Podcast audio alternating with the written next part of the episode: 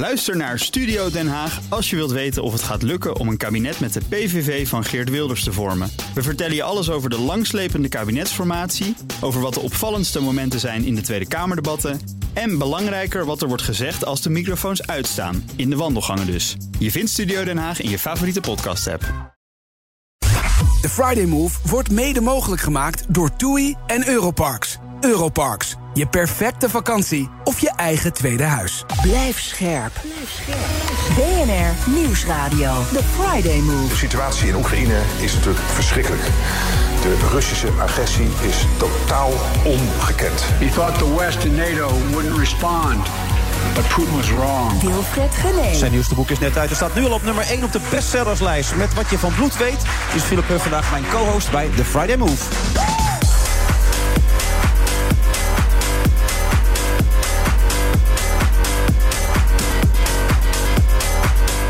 Verder schrijft onder andere ook Rico Verhoeven hier aan. Eh, hij heeft enige vertraging, dus we moeten even kijken of het allemaal gaat lukken. En verder ook Isa Hoes met Zo Marlijn. Ze hebben een boek geschreven dat heet Je bent niet alleen. Om zoveel mogelijk mensen steun te geven die iemand verloren hebben. En uiteindelijk ook nog vele andere gasten in deze uitzending van The Friday Move.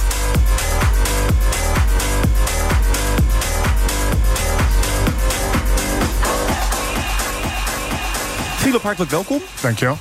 Ja, ik vertelde je net in aanloop van dit gesprek dat ik je werk eigenlijk helemaal niet kende, maar dat ik zeer onder de indruk was van het boek dat je geschreven hebt. Dank. Dus dat wil ik toch nog even herhalen. Het is ook zo flauw dat ik het buiten de uitzending zeg. Waarom spreek je überhaupt je ouders nog eigenlijk? Ehm, nou, omdat ik denk dat ehm, twee dingen belangrijk zijn voor mezelf.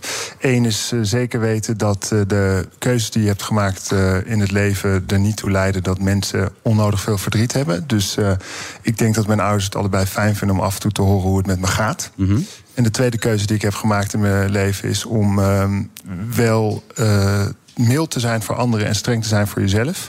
Eh, dat vinden sommige mensen verrassend, omdat het boek over vrij harde dingen van het leven gaat. Hele harde dingen. Ja, maar ik geloof dat je een, eh, een niet hard boek kan schrijven over harde dingen. En het boek is ook geen wraakoefening of verrekening, maar wel het tonen van. Wat een eh, jeugd vol huiselijk geweld betekent eh, voor kinderen en voor volwassenen die dat hebben meegemaakt. Ja, maar je vindt het een niet hard boek. Eh, ik vind het een niet hard boek. En ik moet je eerlijk zeggen dat ik de zinsnede gejat heb. Ik krijg heel veel mails van lezers de afgelopen weken. En die zeggen allemaal dingen over mijn boek... waar ik zelf weer wat inzicht krijg in mijn eigen werk. En één iemand zei, ik vind het zo knap hoe je een, een niet hard boek hebt geschreven... over de harde dingen van het leven. Dus toen dacht ik, die neem ik mee. Oké, want ik had eerst alle interviews van jou gelezen. Toen was ik pas aan het boek begonnen. En toen had ik me ingesteld dat het wel mee zou vallen. Maar toen ik het zat te lezen, vond ik het wel hard. Namelijk. In welk opzicht vond je Nou, het hard? Ik, ik vond de, de scènes hard. Als ik, het, als ik las het geweld in die, in die, in die slaapkamer... dat je zus aan, aan, aan de armen van je benen hangt... eh, of de benen en de armen van je vader hangt... dat er met geslagen wordt met kandelaars. Het is zo hard als je het leest gewoon. Het is zo confronterend. En, en, en natuurlijk verzag je het ook wel. Je probeert aan het einde van het boek ook nog wat, wat uitleg te geven... waar je ouders vandaan komen. Dus daarmee verzag je het allemaal wel. Maar tegelijkertijd, toen ik het las, dacht ik... waarom spreek je die mensen nog? Wat is mijn gevoel? Ja, nou, ook daar weer twee dingen, denk ik. Het, het eerste is dat je probeert in zo'n boek eh, de emotionele waarheid in een roman te vangen hoe het is om zo'n kind te zijn. Eh, en dan heb ik gemerkt dat bij het ouder worden er een bepaalde mildheid eh, bij komt. Dus dat je probeert te begrijpen waar dat vandaan komt bij mensen. Maar heb ik met mezelf ook afgesproken dat als je iets begrijpt, dat je dat nog niet hoeft te accepteren. Nee. Dus ik snap waar het vandaan komt, maar ik wil wel een boek schrijven waarin ik vertel hoe dat dan is voor kinderen in zo'n huwelijk. Omdat ik het gevoel heb dat die heel vaak verdrukt worden in de, in de huiselijke cultuur die we hebben in Nederland. In de zin van eh, je ouders bepalen als kind wat je wel of niet mag zeggen over dit soort dingen. Je wil je ouders niet belachelijk maken of voor, voor schut zetten. Eh, dan is er nog eens heel weinig ruimte buitenshuis ook, omdat mensen heel erg veel respect hebben voor wat zich bij mensen achter de voordeur afspeelt. Terwijl ze het weten wat er gebeurt. Terwijl ze weten wat er gebeurt. Dus hè, maar dat is niet, niet ons huis. Eh, en, en in dat opzicht heb, ik dat boek, eh, heb ik met dat boek iets willen schrijven van eh, kil eh, en helder presenteren wat daar dan achter die voordeur gebeurt. Maar zoals je zelf zegt, niet zonder dat te willen begrijpen. Volgens mij doe ik daar een poging tot. De verteller aan het einde probeert zijn ouders beter te grijpen. Maar ook niet door het daarmee goed te keuren. Ik blijf het heel kwalijk vinden dat we in Nederland in een land leven waarbij de blijf van mijn lijfhuizen hier in Amsterdam uitpuilen. Waarbij in de coronapandemie het huiselijk geweld gewoon eigenlijk onstopbaar was. En waar een premier weinig rekenschap van geeft. En dan zie ik het als de, de plicht of de taak, als dat niet te statig klinkt, maar van een uh, literair auteur om dat in een roman te vangen en, en te presenteren als uh, leeservaring voor mensen die daar iets van willen meekrijgen of weten. Ja, daarmee ook zijn woede sublimerend op een bepaalde manier? Dat, dat hoop je dan. Um, ik, ik vind het altijd moeilijk als mensen een opmerking over je werk als vraag stellen. Ik hoop dat het boek gesublimeerde woede is. Je wilde elke, elke bladzijde moest die woede bevatten, zei je ook. Dat ja, dus, zijn. ja, waarbij ik denk ik, als je dan in zo'n interview uh, opgeschreven wordt wat je zegt, altijd wel weer wat platter slaat wat je zegt. Want ik, ik, ik zei in dat interview ook: woede is voor mij ook een vorm van gestold verdriet. Dus heel veel mensen die heel erg boos ergens over zijn, daar zit heel diep verdriet onder. En uh, ik hoop dat het boek op elke bladzijde ergens in de taal of tussen de taal vangt hoe verdrietig uh, je me dit maakt. Mm en hoe boos ik er dus over kan worden.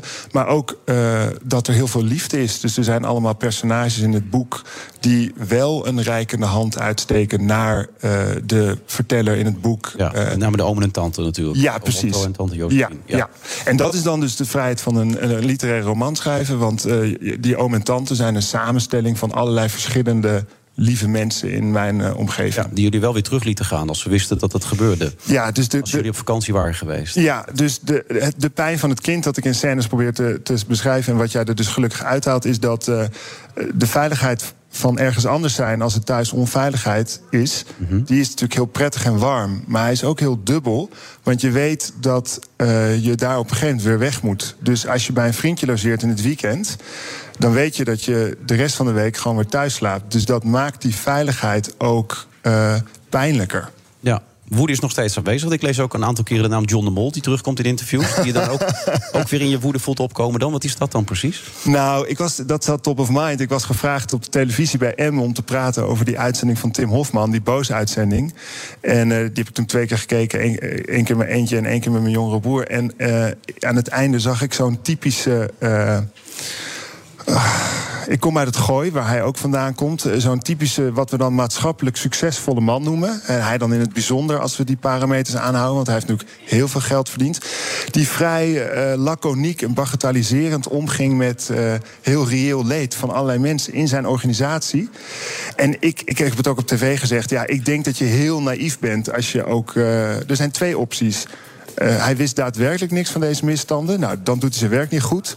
Of hij wist er wel wat van en hij heeft er niet naar gehandeld. Dan doet hij zijn werk ook niet goed. Hmm. En ja, daar kan ik boos van worden. Ja, want die woede is onderhuids nog steeds, met alles.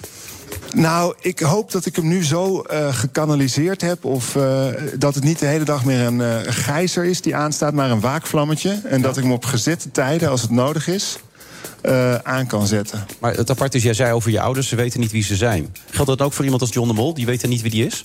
Nou, ik denk dat de alleroudste klassieke filosofische vraag is... Uh, ken je zelf en lukt dat? Maar ik denk dat uh, heel veel mensen met een blinde vlek werken. en ik probeer mijn boeken altijd mijn eigen blinde vlekken te onderzoeken.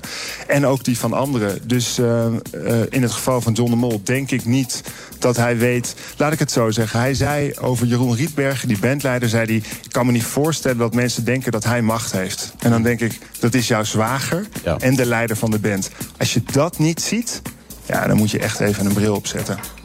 Kun je goed aan jezelf kijken inmiddels?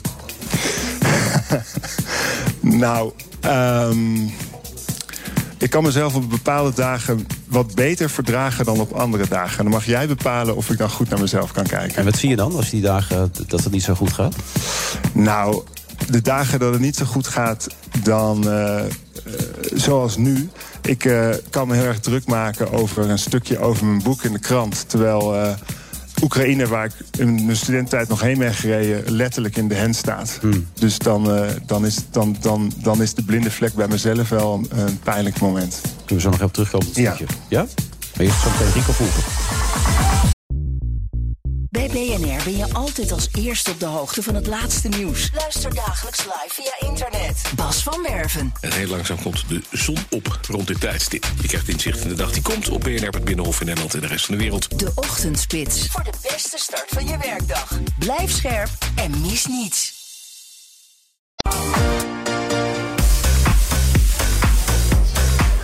De Friday Move, uh, vrijdag uh, 4 maart is het alweer. En met dit programma schieten we natuurlijk alle kanten op. Van uh, een roman gaan we zomaar weer naar de sport toe. In dit geval naar Rico Verhoeven. Goed dat je er bent, Rico.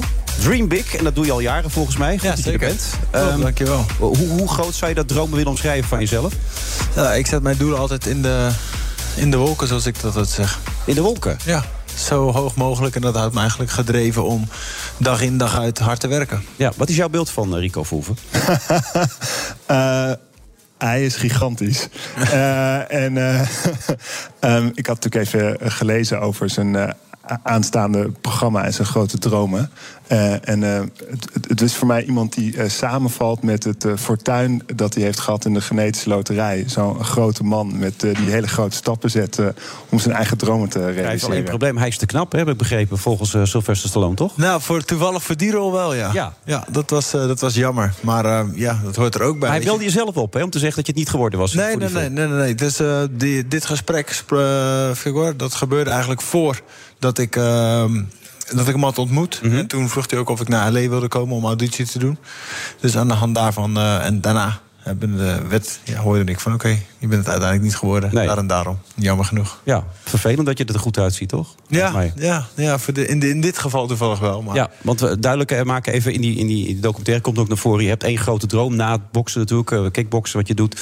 Je wil tien jaar die kampioen blijven en ja. dan wil je naar Hollywood en dan wil je doorbreken, toch? Dat ja, is het idee. Zeker, dat zou de ideale route zijn die we ja. willen bewandelen. Ondertussen doe je een heleboel andere dingen. Ik, ik zat dat boek voor jou te lezen, dan heb je Floris. Dat is jouw beste vriend, zo ja. toch, in dat boek. En die heeft geen haast, want die weet dat hij het gaat maken... uiteindelijk als advocaat. Jij zegt, jij daarentegen moet jezelf constant overtuigen... dat je veilig bent en de enige manier om dat te bewerkstelligen... is door te bewijzen en te handelen. Herken je dat? Jij bent ook alleen maar bezig, volgens mij, om jezelf te bewijzen. Uiteraard, uiteraard. Maar het is vooral, weet je, ik probeer mezelf altijd te prikkelen... en eigenlijk elke dag een betere versie van mezelf te worden. Maar waarom? Ik, omdat ik van mening ben dat we elke dag nog steeds leren.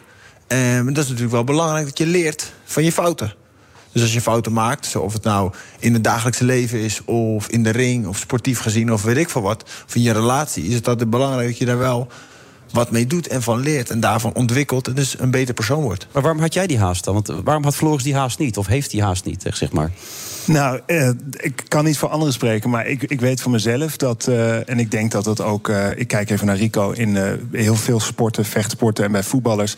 een manier is om je te ontworstelen aan waar je vandaan komt... en om ja. jezelf te manifesteren als, als winnaar en als geslaagd.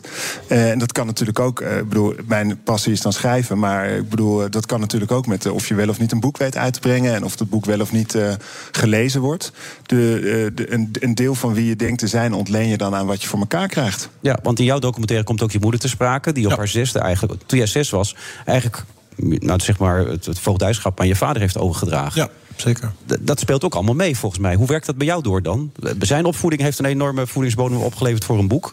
Wat, wat heeft dat voor jou gedaan? Tuurlijk, van mij heeft dat ook... Dat, ik denk dat dat mij heeft gemaakt tot de persoon die ik vandaag ben. En ik denk dat het voor iedereen. Maar het was niet leuk wat ik las. Of wat ik zag ook. Ik bedoel, je was dat jongetje dat met een tas bij de bus, bushalte gaan zitten omdat hij weg wilde. Ja. Ja, nee, dat is wat ik, ja, wat ik ook in de, in de docu zeg van.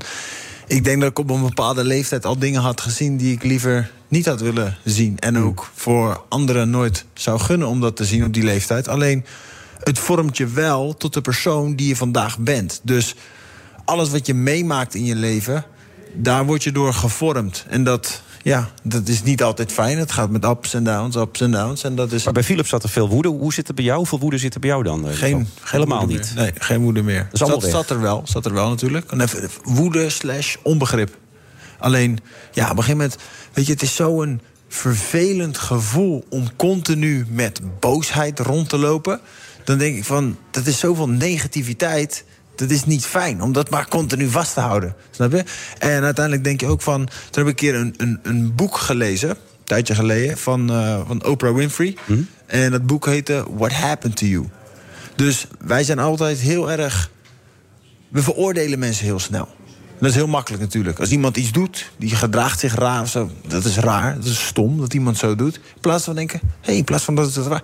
Waarom? Snap je? Waarom doet deze persoon zo? Wat is er gebeurd met deze persoon waardoor die zich op deze manier gedraagt? Het is een hele andere manier van dingen benaderen, maar daardoor krijg je ook wat meer begrip voor de andere, voor de ander, degene die in die situatie staat. En daardoor heb ik het ook met mijn moeder ook iets dat ik denk van ja, weet je, Ja, uiteindelijk dan drugs, drank, eh, Ja, was dus- de weg kwijt. Ja, dus zij heeft eigenlijk die keuze gemaakt. ehm, ook voor mij. Want omdat die keuze. Toen ik bij mijn vader was, was zat ik, daar zat ik natuurlijk een stuk beter. Daar werd ik op een andere manier opgevoed. Meer discipline, noem het maar op. En daardoor ben ik wel de persoon die ik vandaag ben ook. Dus alles heeft wel zijn na-effecten van wat er gebeurt. Dus ja, dan kan je die dingen gewoon loslaten en gewoon doorgaan. En denk van ja, ja, alles gebeurt om een reden. En waarom gaat die carrière lukken in Hollywood?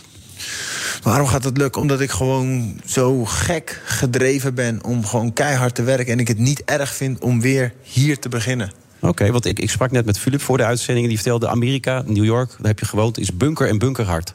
Als je dit verhaal hoort, wat denk je dan? Nou, eh, dat als iemand door een bunkerharde muur heen kan beuken. eh, nou ja, kijk, de, de kern van Amerika voor mij is dat, en daar past dit verhaal van Rico perfect bij. Van over de hele wereld komen heel getalenteerde mensen daar naartoe. Om zichzelf eh, daar kapot te werken, stuk te slaan. En sommige mensen lukt het. Nou, die kennen we allemaal uit de blockbusters. Dus dit is nu dan Dwayne Jo- The Rock Johnson. En toen ik jong was, was het Jean-Claude Van Damme. En, en, maar de mensen die dat niet lukt, ja, daar horen we veel minder van. Eh, dat is het systeem.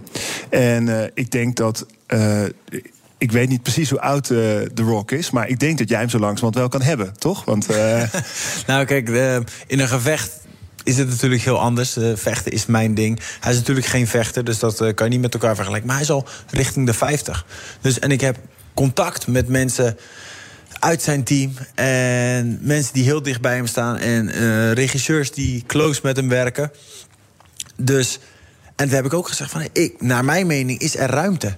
Er is ruimte voor een nieuwe slag van ja, supersterren. Ja. Filmsterren. Die er goed Omdat- uitzien. Ja, die er goed uitzien. Ja. En die ook... Kijk, voor, voor, voor mij... Ik, ik kan echt vechten. Snap je? En Mhm. dat kan ik ook... eh, op film kan ik dat ook laten zien. Dus daar heb ik niet per se een stuntdubbel voor nodig. Dus op het moment dat er een gevecht, vechtscène, echt, eh, echt een goede vechtscène plaatsvindt... kunnen ze mij gewoon in mijn gezicht blijven filmen... omdat ik al die moves zelf ook kan. Ik denk dat dat een hele groot, heel groot pluspunt is. En als je kijkt naar... Maar alle- je moet ook kunnen acteren, toch? Lijkt ja, ja, ook, ook zeker. Maar daarna zeg ik ook dat een stukje... ehm, van als je kijkt naar alle filmsterren... nu de grote, grote sterren... zijn allemaal richting de 50 en Ja. ouder. Snap je? Sly is al in de 70. eh Schwarzenegger, eh, hebben we Vin Diesel. eh, noem het maar op. Jason Statham. snap je? Dus er zijn een heleboel na, maar die zijn allemaal al eind 50. En ik ben begin 30. Dus ik denk dat er best wel wat ruimte is voor zit. De ruimte is er, maar dan moet je de kwaliteit op alle gebieden natuurlijk ook hebben. 100% en je moet de contact hebben. Je hebt de bevriend met een aantal grote namen daar toch? Ja, dus dat ook. Ja. Dus de contacten zijn er. de werkdrive is er om ehm, het acteren, het vak te leren. Dus ja, ik zou eigenlijk niet weten waarom het niet zo... eh, heb je al les? Uiteraard, we nemen lessen. ehm, zowel stuntlessen als weapon handling lessen. Dus hoe je met wapens omgaat. Acteerlessen. ehm, Ik heb je in Dylan Hagens gezien. Dat was een klein rolletje nog. Ja. Moest je inkomen natuurlijk. Ja, toch? ja, Maar- zeker. Nee, maar daarom zeg ik, ik vind het niet erg om hier te beginnen. Dus ik begin in Nederlandse kleine rolletjes heb ik gedaan. Maar er zijn nu ook wat grotere dingen die, eh, die eraan gaan komen. Dus ja, vooral je had ook een eigen productie klaarstaan, toch? Ja, klopt, ja. Dat las ik hier Ja. vandaag in de krant. Eh, Ja, wanneer de- gaat die komen De Black? Lotus. De Black Eh, Lotus, inderdaad. Ja, ja. precies. Die, eh, die gaat er... ehm, ik heb nu een datum gehoord en dat is eind, eind juni.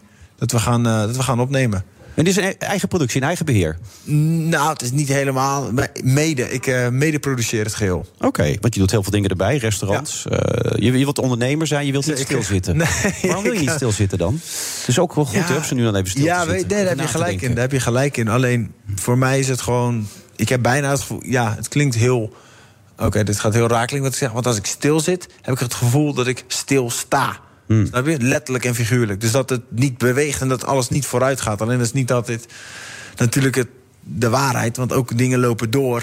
Ook al ben ik niet altijd per definitie zelf aanwezig. Alleen dat is mijn mijn drive om gewoon lekker hard te werken. Het voelt niks, voelt, niets wat ik doe, voelt aan als werk. Ja, zijn mensen allemaal leuk. kritisch om je heen? Dat ze ook dingen tegen je durven zeggen? 100%, ja, dat zie je in de docu. Ja. Iedereen heeft, heeft allemaal zijn ik, mening. ik heb over de indruk dat iedereen vrij positief over in die, in die docu is. Wat ik heb Jawel, gezien. jawel, maar iedereen zegt ook van ja, weet je wel, wil je niet te veel? Ben je niet te hard bezig? Ben je, wil je niet altijd iets meer? Of Ja, dat is gewoon wie ik Ja. ben. Ik herinner me ons laatste gesprek, daar waren we in Zandvoort op- bij de Formule 1. Ja. En toen sprak je me aan op een interview wat wij hadden gehad. En je vond mij vrij kritisch toen. Wat, wat was dat gevoel dan, dat ik te kritisch voor je was geweest? Wat, wat is dat dan? Nee, nee, het was niet per se kritisch. Maar kijk, het is wat ik, eh, wat ik vind, dat is hetzelfde eigenlijk nu... wat nu laatst plaatsge- plaatsgevonden heeft, is... hoge bomen vangen veel wind. En mensen vinden het altijd leuk om dingen te zeggen over de naam van grote... van in ieder geval over grote mensen eh, met, een, met mensen met een grote naam. En dat Ja. gebeurde dus ook nu laatst weer...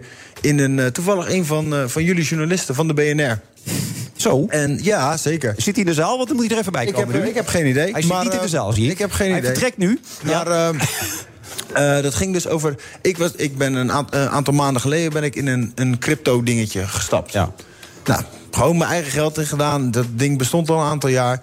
En dat vond ik tof. Dus ik heb mijn, onderzoek gedaan. Ik ben geen crypto-expert. Maar Hm. oké. Ik mijn ding gedaan. Nou, na een tijdje denk ik, oh, dat gaat best aardig, weet je, dat is leuk. Dus ik post daar gewoon iets enthousiast over. Oh, wat leuk, weet je wel. Dat, dat het nog steeds gewoon eh, omhoog gaat, dit, dat. Nou, alles, alles en iedereen, ook een van jullie eh, journalisten, ging daar dus helemaal over. En dat is toch niet normaal dat een bekend iemand zijn ding is gebruikt om de boel te pumpen en daarna weer te dumpen. Hoe bedoel je? Ja. Dit is voor mij een langetermijn iets. En denk je van. Zonder mij te bellen, of mij, niet, gewoon niet mij persoonlijk bellen, maar mijn team te bellen en echt letterlijk te vragen: hoe zit dat nou? Hoe zit dat nou? Nee, gewoon lekker gooien. Dat is een scam. Hij doet pump en dump. Hij belazert mensen. Er is voor geen geld. Ja? Geen enkel geldbedrag dat ik mensen zou toezetten om iets te kopen.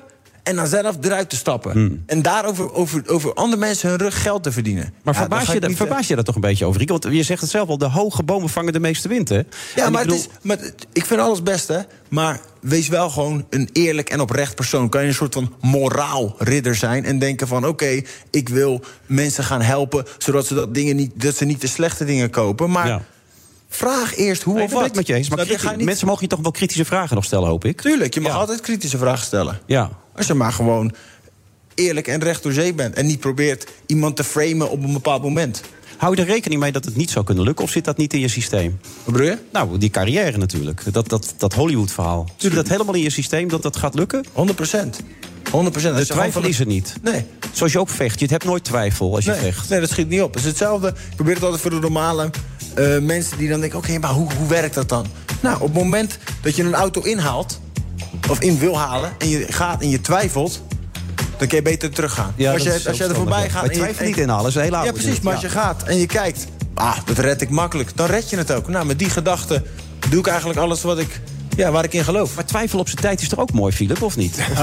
Eh, Frank Rijkaard heeft het een keer gezegd, eh, ook een grote sporter, twijfel telt. Ja, ik bedoel, eh, de- maar ik, ik neem aan dat als je in de ring staat wil je niet twijfelen. Maar van tevoren denk ik dat je wel nadenkt over wat moet ik nu trainen, hoe ga ik hier mee aan de slag. Ik bedoel, Tuurlijk, het is allemaal gameplan. Ja, precies. Dus, dus, Gameplan mindset. ja, nou, dus, dus in dat opzicht denk ik dat twijfel wel kan helpen. Overigens wilde ik tussendoor even opmerken, ik voelde de woede nog toen het over de crypto ging. Die zit er nog. 100%. Maar weet je, het, is, het, het gaat er mij om. Het is voor mij een stukje onrecht. Snap je? Je mag echt, je mag dingen over me zeggen, je mag me bekritiseren. Maar als je iets niet weet, hoe iets werkt of hoe iets in elkaar steekt. en je je afvraagt waarom ik iets doe, moet je het wel aan me vragen. Ja. En moet je niet mij publiekelijk aan de schandpaal nagelen. En denken van, hé, hey, hier kunnen we even een, eh, een, eh, een pump, eh, een pump in, de, in de cijfers mee, mee scoren. Over mijn rug. En dat vind ik niet netjes. Dan vind ik van, oké, dan moet je mij ook gewoon netjes opbellen en vragen... Yo Rico, hoe zit dat? Ik denk dat die verslaggever nu die zit te luisteren... die zit nu even te zitten op zijn stoel, denk ik, hoor. Dat weet ik wel zeker. Nou, maar, maar Ja. ik, vind, het- ik, heb, hem- ik heb hem ook gewoon een berichtje gestuurd van, Ja. yo... Oh, hij, zit er, hij, zit, hij is er zelfs. Hij is er, dus... eh, Hij is er echt. Nou, kom er dan even heel, heel kort even bij. Ja, nee, die wil ik even weten. Is dit inmiddels opgelost? Dat wil ik even kort weten dan nee, natuurlijk zeker allemaal. niet. Zeker niet. Nee, we zouden vandaag praten, dus... eh, Oké. Maar herken je een beetje het verhaal wat hij vertelt, of niet? ja, nee, zeker, zeker. Eh, maar ik was niet de journalist die een heel verhaal erover schrijf- schreef. Eh, Nee, maar je bent een van de mensen die, er een, die een bereik heeft. Ja? Ja. Zeker op Twitter, noem het maar op. Je gooit er wat op. Nou, mensen Maar- volgen jou ook. Nieuwsberichten, nieuwsdingen volgen jou ook. Die denken, oei, shit, wat gebeurt hier? En net als al die Oh, andere... maar ik was niet de eerste. hè. Ik, ik Nee, was achteraf ook- pas. Maar mijn bereik verbleek bij jouw bereik. Je hebt 2 miljoen Instagram-volgers. Je hebt 80.000 Twitter-volgers. En je promoot daar een coin die gewoon shady is. Nee, dat is jouw mening. Nee, dat vind van, jij. Nee, van meerdere deskundigen. Ja, tuurlijk. Maar wanneer ben je een deskundige? Snap je? Als je al jaren in die cryptowereld zit. Oké, maar alles heeft een begin, toch? Zeker. Alles heeft een begin. Dus elk bedrijf wat begint, begint, begint klein, toch? Voel je geen verantwoordelijkheid zodra je zo'n cryptomunt promoot en... Als ik het- er zelf achter sta en mijn eigen geld in zet... Zeker. dan heb ik zoiets van... hé, hey, iedereen is verantwoordelijk voor zichzelf. Maar je, je hebt toch ook gewoon volgers, jonge volgers... die gevoelig zijn voor zulke dingen en denken van... hé, hey, ik kan hiermee makkelijk rijk worden. Rico doet Zeker. het, hij is betrouwbaar. Als hij 100%. het doet, dan kan ik het ook doen. En 100%, maar dat is toch wat ik zeg. Hey, ik zou voor geen geld, ja, voor geen enkel bedrag... zou ik over andere mensen Nee, hun rug zou ik geld verdienen. Nee, nee, maar Dus voor, geen enkel, voor geen enkel dat, dat, bedrag. geloof, dat geloof ik. Maar het ding is wel, zodra jij zo'n eh, ja, coin dan promoot... die waarde stijgt. Je hebt Oké, 2 miljoen oké. volgers. en wat er gebeurt als, eh, als Elon Musk over eh, bitcoin praat... en iedereen Is springt in die bitcoin en is die bitcoin gaat is omhoog. hetzelfde. Hey, die bitcoin gaat omhoog hetzelfde. en die bitcoin gaat ook weer naar beneden. Is het dan, maar is het dan een scam? Nee, is geen scam, want dat is wat met de, met de beurs Nee, gebeurt. maar dat de is- beurs, dat is alles. iets anders. Facebook, Disney, eh, noem het maar op. Alles wat je koopt gaat op en neer. Zal ik je zo nog even de en gelegenheid geven om, om het nee, maar dat, is toch, maar dat is toch uiteindelijk wat het is. Weet je, het hele leven gaat op en neer, op en neer. Hetzelfde met de, met de aandelen gaan ook continu omhoog en omlaag. Ja, dit is wat ik zeg. Dit is voor mij een langetermijn ding. Maar dat Het is gaat er- anders. Maar Het gaat hier om het inhoudelijke Jongens, ik geef jullie nu helaas eh, de laatste seconde. Maar je bent het een beetje kwijt, Rico, nu of niet? Sorry, nee, ja, dit is wat ik zeg. In de het documentaire zegt iemand, het Rico niet wil altijd meer. Wanneer is het genoeg, Rico? Nou, ik zeg wel heel eerlijk dat Dankjewel, op dit moment, als er een soort van als het niet meer meer zou worden als dit, ben ik ook heel blij. Alleen het houdt mij wel gedreven om mijn doelen in de wolken te zetten en gewoon elke dag vol gas te gaan. Oké, succes.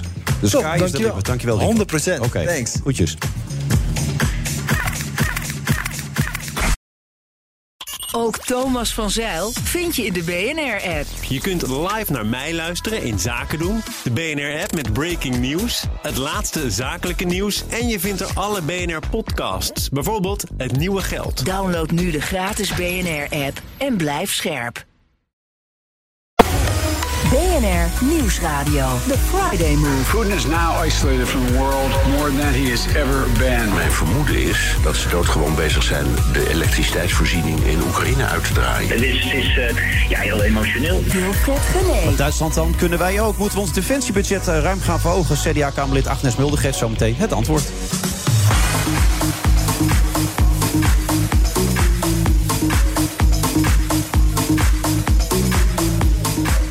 Philip Huff eh, is mijn eh, co-host van vandaag. Hij heeft een eh, nieuwe roman uitgebracht, Wat je van bloed weet. En daar is woede heel erg centraal in. En dat was in deze uitzending tot nu toe ook het geval, het idee, hè? Ik ga geen observaties meer maken over woede, want het eh, escaleert uit de hand, zoals ze in Brabant zeggen. Ja, en Leonard Beekman is er ook bijgekomen, politiek verslaggever. En die is boos. Ik had wel iets gezegd over crypto in de podcast. Dus ik dacht, misschien ben ik het wel waar hij het over heeft. Maar dat was gelukkig niet het geval. Nee. Is dat nou onze stagiair? Wie is dat precies? Die jongen die net aan Nee, het het is geen stagiair, hij doet de cryptocast. Hij is de cryptocast? Ja, de Crypto Cowboys eh, doet hij. Oké. Oh, hij staat nu bij te praten. Ja, ze zijn hij- nu weer vrienden, zo te zien. En hij kwam vrij onderlegd uit de hoek, vond ik. Hij, we- hij wist waar hij het over had. Zeker, want hij zit helemaal in die cryptowereld. eh. Ja, Agnes Mulder, hartelijk welkom. Dank. Ook geobserveerd. Wat vond jij ervan allemaal of heb je niet meegekregen? Nou, er stond wat file op de ring, dus ik was echt eh, net op tijd binnen gelukkig. Nou, hartstikke goed. Wat is de laatste situatie trouwens? Weten jullie het? Eh, Oekraïne? Laatste nieuws? Of? Dat Stoltenberg eh, namens de NAVO heeft aangegeven dat, er, dat het luchtruim zeg maar, niet zal worden beschermd door de NAVO. Maar dat was toch al bekend, of niet? Ja, maar ze wilden graag een no-fly zone. En om, om zeg maar op, op het land alles gewoon goed te kunnen doen. En dan hopelijk te worden ondersteund door de NAVO eh, in de lucht. Maar dat, eh, dat lukt dus niet. Nee. Die Amerikanen van de week bij de State of the Union waren heel eendrachtig hè, als het daarover ging. Ja, als de oorlog aankomt, dan zijn ze wel eendrachtig. Ja. Eh, ik moest meteen weer denken aan de headline van de Speld de afgelopen week. eh, Oekraïners schuilen in de scherpst mogelijke bewoordingen van Europa.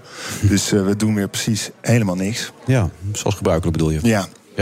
Dat gevoel heb jij ook, uh, Leender? Nou, helemaal niets. Ja, het is natuurlijk lastig. Hè? Als je als NAVO ermee gaat bemoeien, dan is het oorlog.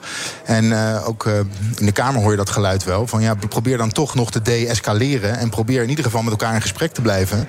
Want de volgende stap is gewoon oorlog. Nou, sorry, sorry ik je in de reden val, maar het is hoor. nu toch oorlog? Ja, het is, ja ha, dan, dat zeg je heel goed. Ja, dat, maar dan hebben wij oorlog. Dat is een hele goede. Ja, ja, dat is een heel precies. goed. Uh, Ja. Ja. Maar en wat vind je van de spierballental van de week van de, van de EU dan? Van de Leyen, die ook riep van op den duur komen ze er wel bij, Oekraïne enzovoort. Nou, daar begon het Kamerdebat natuurlijk eh, maandag ook mee. Het Kamerdebat had eigenlijk twee onderwerpen die prominent op de agenda kwamen door de actualiteit. En één was de opmerking van Van der Leyen over zo snel mogelijk een lidmaatschap van, voor Oekraïne bij de EU. Ja. Daar was de Kamer wel vrij uitgesproken over. En zeker premier Rutte, die heeft gezegd: ja, dat kan niet. Dat is geen korte termijn verhaal. Dat, Nee, eh, nee, bijvoorbeeld alleen al Frankrijk levert dat een probleem op. Daar moet een referendum georganiseerd worden om hè, een EU-lidmaatschap mogelijk te maken. En dat lukt dus niet op, eh op Nee, maar bovendien, de- Oekraïne doet, voldoet toch totaal niet aan de voorwaarden om erbij te mogen? Of wel? Nou, je kan natuurlijk je aanmelden voor, eh, voor Ja. lidmaatschap. En dan moet je inderdaad aan een rit Stabiele van voor. democratie, goedlopende markteconomie. Je moet er onderwer- onderwerpen aan de regels en de wetten. Ja, zeker. Nou dus ja. dat is niet zomaar van de een op de andere dag dat een land dan bij eh, de Europese Unie is. Maar er is wel zicht geboden op, eh, op uiteindelijk lidmaatschap. Maar je moet gewoon wel aan alle criteria gaan voldoen. Ja, maar die teksten van Van der Leyen waren toch eerder om, om Poetin nog meer boos te maken... dan dat het echt effect heeft. Want Oekraïne heeft daar helemaal niets aan natuurlijk op dit moment. Nou, ik denk dat eh, zoals eh, Zelensky, die kan dan ook richting zijn bevolking aangeven... we gaan dus uiteindelijk wel lid worden van, Ja, van de Europese Unie. En ik denk dat dat een, een steun in de rug is op het moment dat jij voor, voor je vrijheid aan het vechten bent. Ja, dus een beetje dromen van Hollywood en hopen dat je het gaat halen. Dat idee.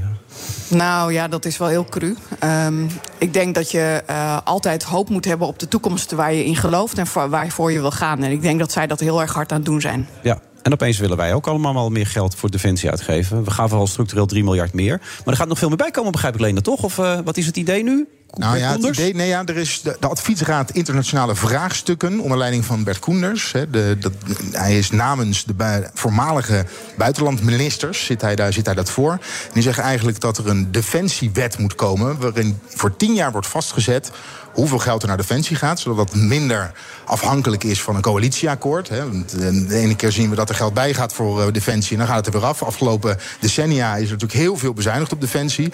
En hij zegt, we moeten zo snel mogelijk naar die 2% BBP toe.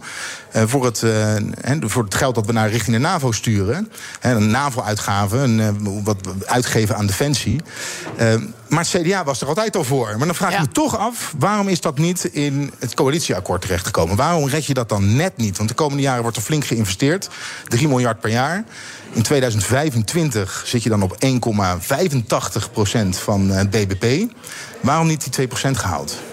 Ja, kijk, we hebben eh, daar eh, wel op, eh, op ingezet om zo hoog mogelijk uit te komen met ons defensiebudget. We zijn blij met die eh 3 miljard erbij. Hè. Dat is al een, stap Ja. in de goede richting.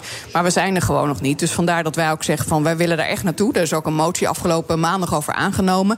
En ik ben heel erg blij dat partijen eh, op de linkerkant eh, van, het, van het parlement dat nu eindelijk ook inzien. D66 zien we nu eh, Ja, toch ja, eindelijk. op- GroenLinks. Ja, eindelijk. Ja. Ja, GroenLinks maar is GroenLinks nu, ook. Er waren partijen die wilden verder korten hè, op eh, defensie. En die zien nu de situatie in de wereld aan de buitengrenzen van Europa. En zeggen nu ook van, eh daar moet gewoon geld bij. En ik ben het daar gewoon van harte mee eens. En wat wel grappig is met GroenLinks al voor tussen, het... tussen onze collega en Rico Verhoeven verloopt nog Die gaat nu toe niet niet. zo heel erg goed, heb ik de indruk. Maar Nee, die staan... eh, nee, die staan behoorlijk boos op elkaar. Met name Rico is boos, heb ik de indruk. Maar ga door, alleen. Nou, ik, ben, ik wil er niet, ga er niet tussen staan in ieder geval. Maar GroenLinks die heeft nou, zo'n twee, drie weken geleden een tegenbegroting gepresenteerd. Waarin, ten opzichte van het coalitieakkoord dat nu op tafel ligt van eh, onder andere het CDA, wilden ze nog ruim 2 miljard wilden ze gaan bezuinigen op defensie. Nou, nu zien we wat er gebeurd is in Oekraïne. En dan komt Klaver nog voor het Kamerdebat toch met een statement... ja, er moet geld bij gaan komen. En versneld moet het, en het extra geld dat er is... moet versneld uitgegeven gaan, eh, gaan worden. Ja, dat is natuurlijk wel heel opvallend als je dat... en zo, eigenlijk in zo'n korte tijd... Maar Kaag is niet zo blij, geloof ik, hè, dat er niet plaats moet komen. Die is een beetje uh, Nou ja, daarvan. In, in het Kamerdebat eh, en later in de Telegraaf zegt Wopke Hoekstra van Buitenlandse Zaken... wij moeten terug naar de tekentafel. Want Hmm. ja, als wij extra en sneller willen gaan investeren in defensie... eh, dan moet het coalitieakkoord opengebroken worden. Want dat gaat namelijk voor alles gaat dat wat betekenen. Maar ook nu, we hebben heel veel inflatie. eh, er zijn wat tegenvallers eh, Ja, in Europa miljarden. zeker, ja. Dus Hoekstra zegt, we moeten terug naar de tekentafel. Daar was Kaag niet zo heel erg gelukkig Nee, maar er mee. komt heel veel extra geld binnen, las ik vandaag, voor, voor het gas, toch? Ja, In 5, Groningen. tot, tot 7 miljard komt er extra binnen, ja. En dat moet eigenlijk naar Groningen gaan, zegt iedereen. Maar ja, dan gaan ze dat gat ermee dichten, toch? Nou ja, ik heb daar ook met Zegers een uh, motie over uh, ingediend. Om zeg maar de extra uh, opbrengsten, mochten die binnen gaan komen, zeg maar, door het later klaarkomen van die centrale die stikstof moet gaan produceren -hmm. in Groningen. En ook extra wat we binnenkrijgen, eventueel uit Duitsland. Dat dat dan ook naar Groningen moet. Dus, ja. en dat, die motie komt natuurlijk nu ook in een heel ander licht te staan. Dus daar zullen we ook ja. nog eens even goed naar kijken. Want de Groningers moet ook recht worden gedaan. Agnes, wat ik dan wel zie in, het, in die motie die jij net noemt. Zeggen, dat is wel fijn. Oh, mag ik Agnes? Ja, ja. Nee, dat valt ja. me op, ja. Nee, dat is goed. Ja, ik dacht op vrijdagmiddag kunnen we gewoon... Nou, heel, ja, kunnen we tot maar in de motie, die, waar het CDA dus ook onder staat... er staat dus inderdaad, we moeten versneld... Hè, we moeten kijken of we versneld geld naar Defensie kunnen doen. Ja. Maar dat mag ten koste, dat staat er ook bij... dat mag nergens van ten koste gaan. Is dat niet wat naïef? Nou ja, ik, daar moet je dus het gesprek over hebben. En uh, dat moet dus ook uh, gaan plaatsvinden. Knettert het nu binnen de coalitie? Nou, ik denk dat iedereen in de coalitie ziet uh, wat er gebeurt aan onze grenzen... en dat er wat moet gebeuren. En die motie ligt er ook. Daar moet ze ook wat mee. Ja, klinkt heel logisch, maar dat wil niet zeggen dat het allemaal gaat gebeuren. Hoe kijk je hiernaar eigenlijk? Uh... Nou, ik heb geschiedenis gestudeerd uh, hier in Amsterdam. En als ik één ding heb onthouden van de krijgsgeschiedenis... is dat investeringen in het leger uh, ook leidt tot meer inzet en gebruik van het leger. Dus het hele idee dat je niet heel veel investeert in je leger... heeft natuurlijk op zich een vrij logische gedachte. Namelijk dat als we allemaal niet gigantische staande legers hebben... dat we ook niet in de verleiding komen om die in te zetten. Verder geloof ik dat Rusland het bruto nationaal product heeft van de Benelux. Mm -hmm. Geloof ik dus ook niet dat het huidige legercapaciteit... van de NAVO-landen in Europa niet zeg maar gewoon hele fikke tikken zouden kunnen uitdelen aan Poetin. Dus vind ik dit allemaal weer een vrij theoretische exercitie. Uh, en dat is het al jaren. Want uh, je kunt niet en NAVO-lid zijn en 2% moeten halen en dat niet halen. En dan nu te laat voor je eigen grenzen bijbeunen. Helemaal niet, omdat als Poetin straks Oekraïne heeft, dan is hij uh, grensland met zeven NAVO-landen. Mm -hmm. En dan loopt hij Estland binnen en dan zeggen wij weer met z'n allen: ja, we moeten de-escalerend optreden. Straks gooit hij een kernknop op ons. En dan gaat het zo door. Wat, wat uh, Estland goed... is uh, lid van de NAVO, hè? Ja, ja dat weet ik, maar dat blijft zijn kernkracht. Dat, en het is ook niet zo dat, uh, dat de Europese Unie en uh, de rest van de westerse wereld niks heeft gedaan. Want die, dat hele pakket aan sanctiemaatregelen heeft wel degelijk effect. En uh, er kwam net ook nog in, in jullie ja. eigen uitzending ook naar voren. Dus er gebeuren dingen. En laten we hopen dat dat uiteindelijk, wil je toch dat de-escalerende effect hebben. Maar, maar je zult ook gewoon moeten zorgen dat je... Ach, mag ik ook Agnes zeggen? Of ja, zeg maar Agnes. Ja, ik, ik, lees hier nu ook weer dat er weer voor een recordbedrag van 689 miljoen aan gas is gekocht deze week in Rusland. Ik bedoel, je kan al die sancties eruit gooien. Maar als je dit dan nog weer gaat overmaken naar Rusland. dan, dan is ik maar af te vragen: wat, wat doen we dan precies? Ja, ik denk dat er allerlei sanctiepakketten ook nog worden onderhandeld op dit moment. Dat die op tafel liggen. En als je ziet hoe Timmermans spreekt. dan zou het best eens in die richting kunnen gaan. dat daar ook sancties op plaats zullen gaan vinden. Ja. Maar wat jij zegt is trouwens wel heel interessant over hè, nu investeren in defensie.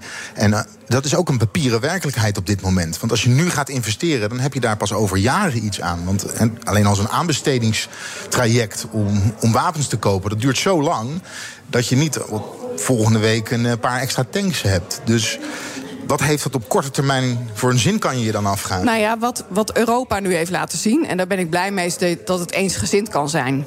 En dat zul je dus nu uh, voort moeten zetten, die eensgezindheid. Ook in je bestellingen en uh, wat, wat voor uh, wapens je wil hebben. Kijk, de VS heeft altijd van alles ongeveer één.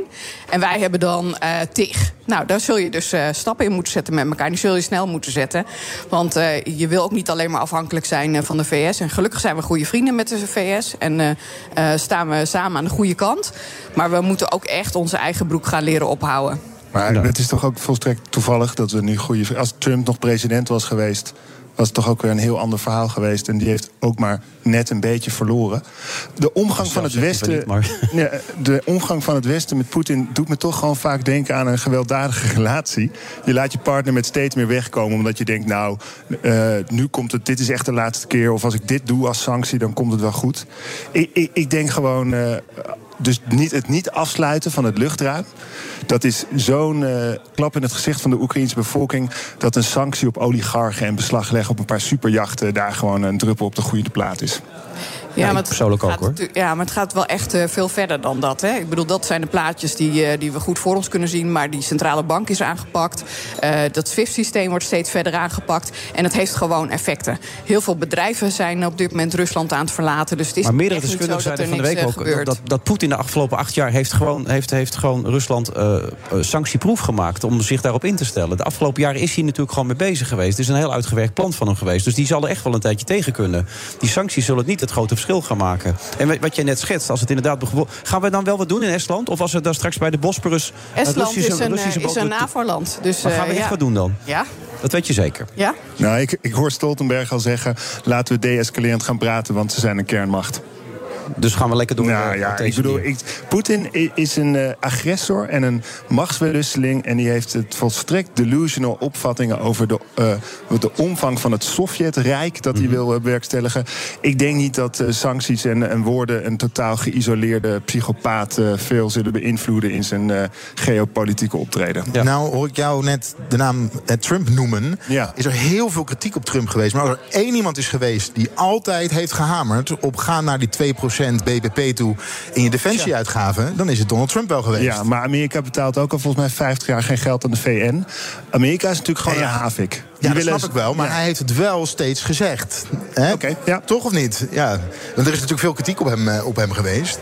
Eh, Maar Jij noemde Rusland trouwens de agressor. In het verleden waren wij dat natuurlijk. Hè, met Napoleon en met Hitler. Wij hebben ooit echt aangevallen. Ja, ja nee, oh, Westen, ik, zeg maar. ik ga ook zeker niet eh, vervallen in eh, tegenstellingen. Dit is allemaal de mensheid. Mhm. Ik ga zeker niet zeggen dat Nederlanders een haar beter zijn dan, eh, dan eh, elk ander eh, volk. Vind ik al moeilijk woord. Je komt een beetje bij de theorie van Baudet uit, die van de week zei van ja, we hebben er zelf om gevraagd met het Westen. We zijn steeds meer opgeschoven. Wat, wat vind je daarvan? Ja, die is gewoon de weg kwijt. Die is de weg kwijt. Ja. die is toch helemaal gek, die gast. Nou, jij vroeg hem nog wel. een- ik vond het Ja. een interessante vraag. Hij, heeft een, eh, hij is gepromoveerd op de aanval op de NAVO, of de na nazistaat. Ja, en ik vroeg hem van... eh, eh, veroordeelt u nu deze aanval? En daar kwam eigenlijk eh, een antwoord op zoals Poetin die zou geven. Hmm. Ze hebben dat eh, letterlijk die tekst allemaal naast elkaar gelegd. Hij had het en dan denk ik echt van... Het is geen toch natie, het is geen staat. Dat zei Het is hij. geen uh, nazistaat, dus ja... pff. Ja. Nou, het is interessant, want hij heeft twee weken geleden in een podcast gezegd... dat hij sowieso niet echt in de kracht van ideeën gelooft... maar meer in de macht van wapens. Ik vind dat altijd een vrij beladen, of laat maar rustig zeggen... een duidelijke uitspraak in de huidige context. Hij is sowieso een Poetin-versteer of fanboy, zal ik hem maar noemen. Ik denk Poetin is bang voor democratie... En ik denk Baudet is in de kern ook helemaal geen fan van democratie. Die zou het liefst de baas zijn van Forumland. Ja, nou heeft de, de VN, eh, met name ook de NATO en, zeker ook Amerika aangegeven... we gaan niks doen. Maar als het echt zo gruwelijk wordt... ik hoorde Arend-Jan Boekenstein daar van de week eh, ook iets over zeggen... tot hoe ver kan dat gaan voordat je niks meer doet? Ondanks het feit dat ze niet bij de EU horen, bij de NAVO horen. Hoe ver kan dat gaan? Nou ja, dat eh, niks doen, eh, dat, eh, dat bestrijd ik dus. Hè. Het, Poetin wordt wel degelijk Ja, met aangepakt. sancties, het ja. is Poetins oorlog en Poetin moet daarop worden aangesproken. Het liefst ook door zijn eigen bevolking en ook door zijn eigen bedrijven... dat die dit gaan voelen en dat die hem dit ook laten weten. Ik zie hele dappere Russen opstaan om die boodschap ook over te brengen. Gisteren nog een heel oude mevrouw met grote borden... die, die dat duidelijker probeerde te maken... Natuurlijk worden er allemaal op dit moment opgepakt. Maar de verandering moet ook vanuit Rusland gaan komen. Want ze zijn de paria van de internationale gemeenschap geworden. Die stemming in de, in de Verenigde Naties was eh, klip en klaar. Maar vijf landen die waren eh, aan de kant van eh, Rusland. En dat akelige Belarus. Die gewoon eh, mee eh, aan het vechten is met Rusland. Die verdient ook al onze sancties. Laat dat ook heel helder zijn. En het duurt iets langer misschien voordat al die sancties hun effect gaan hebben. Maar ze gaan effect hebben. En daar ben, eh, ik echt vast van overtuigd. Maar is de vraag hoe ver kan Poetin gaan? Vannacht is er een kerncentrale bestookt met raketten. Ja, die man is gewoon roekeloos. Oekraïne is ontkomen aan een kernramp. Dat gaat kennelijk niet ver genoeg nog. En Nee, de vraag van hoe ver het, stopt gaan? niet. Het, Syrië ligt volledig in puin. We wachten net zo lang tot Poetin een woestijn van dat land heeft gemaakt... en dan noemen we het vrede. Echt. Met deze instelling eh, is het Geen einde. enkel vertrouwen erin, als ik jou zo hoor. Geen enkel vertrouwen. Nee, want eh, dappere vrouwen, eh, bewapen die mensen. eh, sluit het luchtruim. Voer ge- aanvallen uit op... Wapenen doen we. Nou, perfect. En voer aanvallen uit op konvooien van de Russen in de Oekraïne. Is geen daad van agressie tegen de Rusland... maar tegen de Russen die in een land zijn waar ze niet thuis horen. Ja. Maar waarom wordt er überhaupt niet aangevallen op het konvooi? Dat snap ik niet helemaal. Ook niet door de Oekraïne zelf. Snappen jullie dat of niet? Dat kan niemand uitleggen mij deze hele week al. Nou, ik ben daar geen expert in, maar wat ik heb gelezen is dat eigenlijk Oekraïne niet genoeg uh, slagkracht heeft om dat te doen. En dat het wel gebeurt. Dat ze wel kleine aanvalletjes op het konvooi doen. Maar dat bijvoorbeeld het Russische leger, het amateurisme daarvan, dat ze ook over uh, viaducten heen gaan. Waar ze heel makkelijk, als je een goed georganiseerd leger er tegenover zet, ja, dan schiet je ze er vanaf. Ja. Een konvooi dat een paar dagen stilstaat, ja, dat is normaal gesproken natuurlijk aangeschoten wild. Ja. Ja, kennelijk is de slagkracht van Oekraïne zo uh, laag dat dat niet kan op dit moment. En dan wordt het een guerrilla-oorlog in Kiev. Of... Hoeveel ruimte hebben we trouwens voor de vluchtelingen in Nederland? Want er is natuurlijk met alle Syriërs enzovoort, we het net over hadden... was opeens alle ruimte op. Hoe is het voor deze Oekraïners? Nou, ik denk dat daar heel snel uh, duidelijkheid over moet komen vanuit het kabinet. Wij hebben als CDA gevraagd om een gezant om speciaal uh, overal bij alle gemeentes uh, langs te gaan... om te kijken van waar zit de capaciteit voor opvang. Of dat nou hotels zijn die leegstaan of parken of wat dan ook. Maar zorg dat er snel wat geregeld wordt, want die stromen zullen enorm zijn. Veiligheidsregio's hebben er vandaag over gesproken. De 25 veiligheidsregio's in Nederland. En er is afgesproken dat in eerste instantie elke veiligheidsregio 2000 vluchtelingen opvangt vanuit Oekraïne. En ik zie ook al bij gemeenten dat er initiatieven vanuit gemeenteraden zijn. Bijvoorbeeld uit mijn eigen Leiden. Waarin de gemeenteraad bijna raadsbreed oproept om uh, in de stad mensen uit Oekraïne op te vangen. Alleen het COA. Die gaat dat niet coördineren. Dus dat moet toch vanuit de gemeente zelf gebeuren. Ook weer een lastig verhaal lijkt me. Ja, wat wel mooi is, wat me echt wel goed doet... is uh, om te zien hoeveel uh, particuliere initiatieven er ook zijn. Hè. Mensen zijn echt begaan. Uh, er komt een grote actie ook voor, voor Oekraïne... om, om ja, geld in te zamelen. Maandagavond, ja. En laten we daar ook met z'n allen aan, aan bijdragen. En dat geld ook beschikbaar krijgen voor Oekraïne. Ja, het is ook nog steeds corona trouwens in Nederland, hè, voor de duidelijkheid. Ja, je zou het bijna vergeten. Hè? Ja. ja en het stijgt, het aantal ja. besmettingen. De coronanoodwet is alweer verlengd, begreep ik. Hè? Tot 1 juni heel makkelijk allemaal enzovoort. Dat wordt gewoon stilzwijgend gaat allemaal een beetje door, toch? Ja. Hè? ja. Nou ja, laten we hopen dat we er snel vanaf uh, zijn, toch? En dat uh, wat positief nieuws vandaag was... was dat er minder dan 150 mensen op de IC lagen.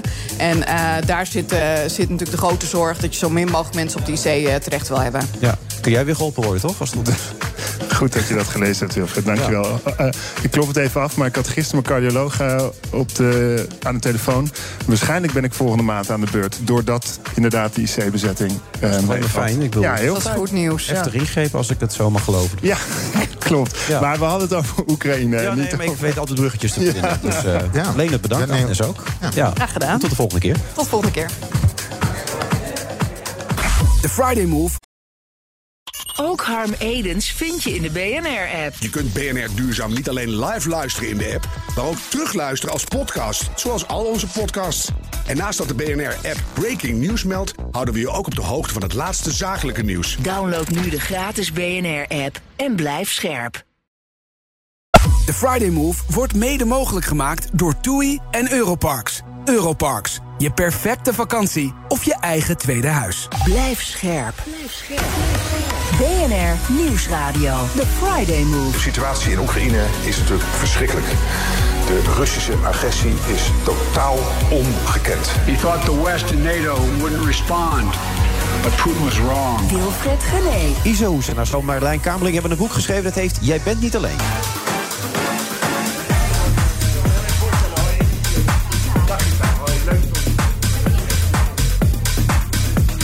En Philip Huff is nog steeds mijn co-host. En hij heeft dan een nieuw boek uitgebracht dat heet Wat je van bloed weet.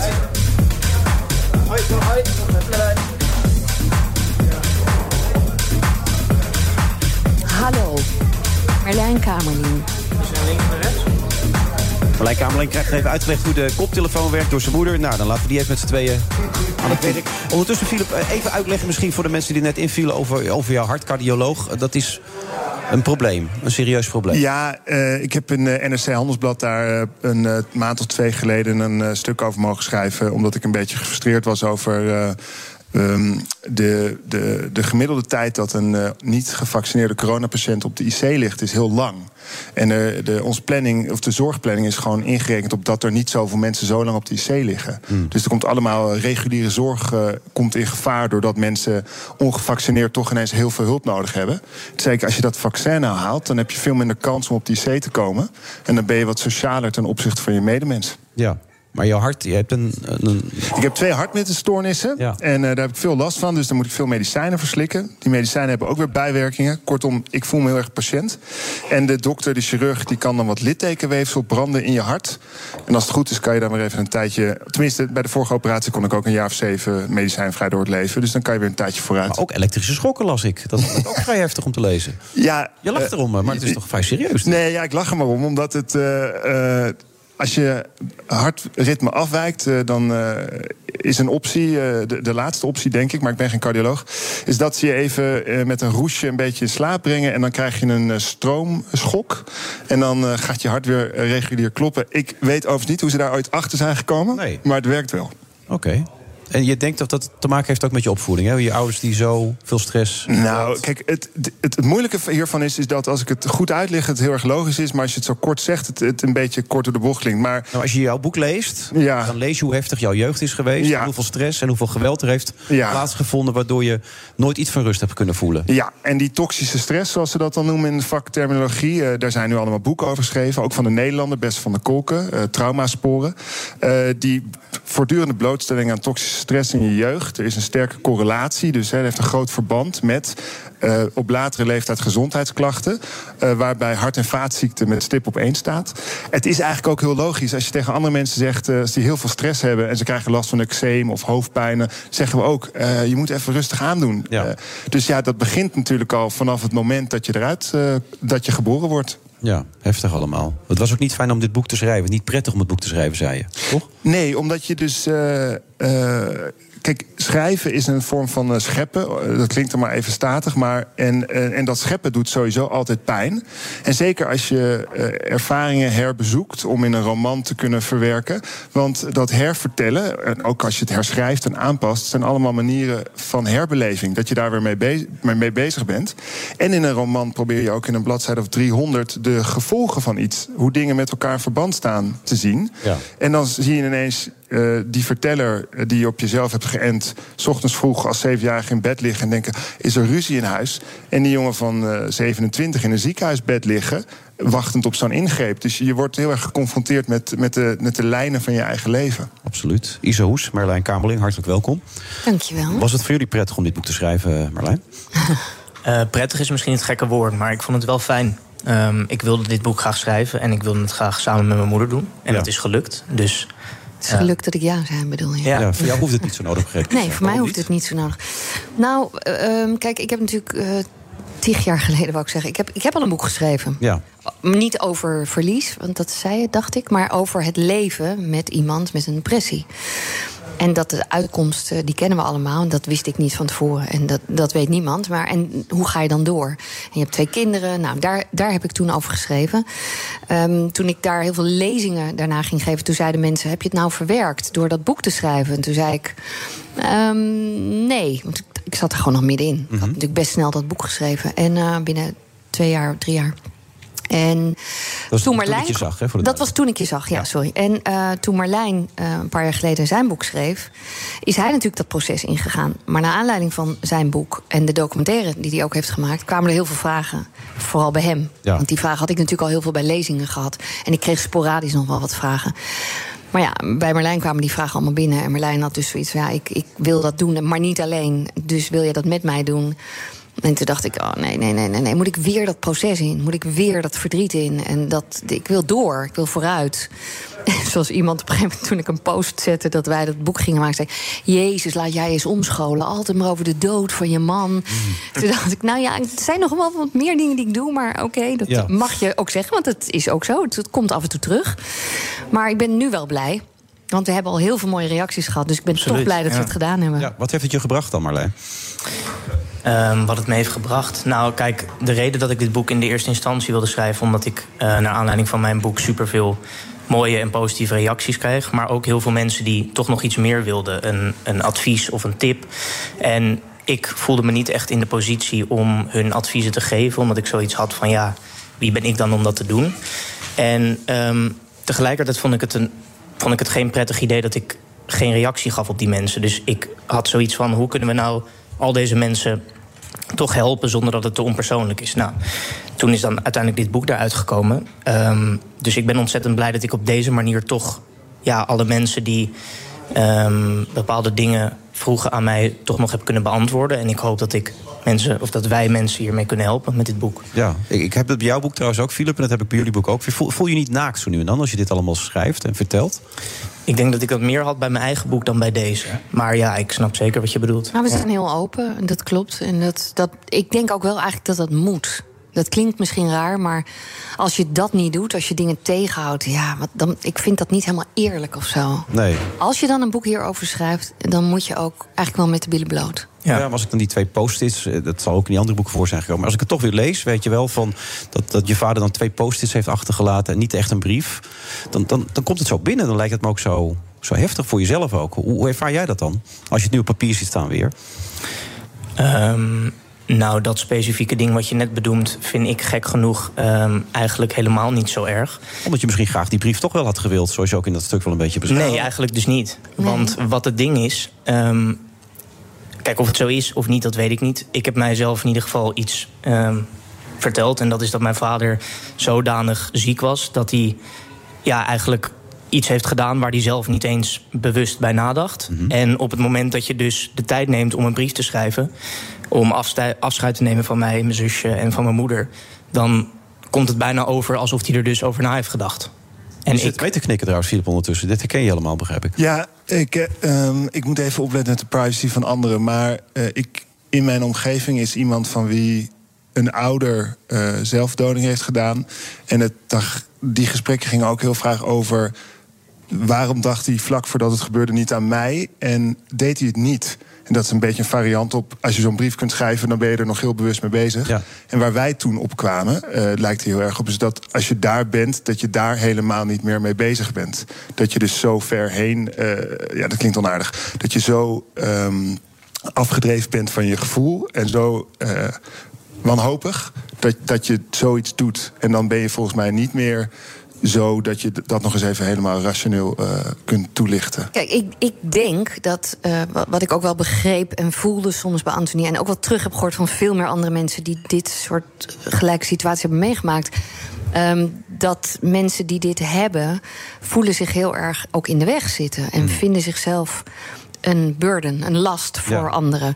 En denken, het gezin of mijn partner of wie dan ook... zijn beter af zonder mij. Je beschreef ook dat zijn last was weggevallen. Dat hij er weer heel mooi en zorgeloos uitzag opeens weer. Alsof hij het kwijt Ja, was zelf ja, ook. Ja, ja, ja. ja dus dat, dat kan ook zijn dat ik mezelf dat ook weer heb eh, verteld of wijsgemaakt. Of hoe je dat. Je weet het niet wat je jezelf allemaal. om, om dit allemaal te handelen. En, want wij moeten wel overleven. Ja. Hij kiest die kant en wij blijven aan deze kant. En ehm, daar moet je mee zien te dealen. Wat is je gevoel nu bij je vader op dit moment? Zo, daar overval je me een beetje. Wat is het gevoel nu bij mijn vader? Ehm, eigenlijk meer positief dan negatief, denk ik. Wat misschien best gek klinkt, maar de eerste paar jaar na zijn dood heb ik echt een soort beeld voor mezelf geschetst van een vader die er nooit echt voor me was. Ehm, waardoor het misschien makkelijker was voor mij om hem te missen. Omdat ik zoiets had van, ja, het was toch een lul. Wat maakt het uit dat hij er niet meer is? En door het maken van mijn eigen boek en nu ook weer dit boek... en als ik praat met mensen en lezingen doe...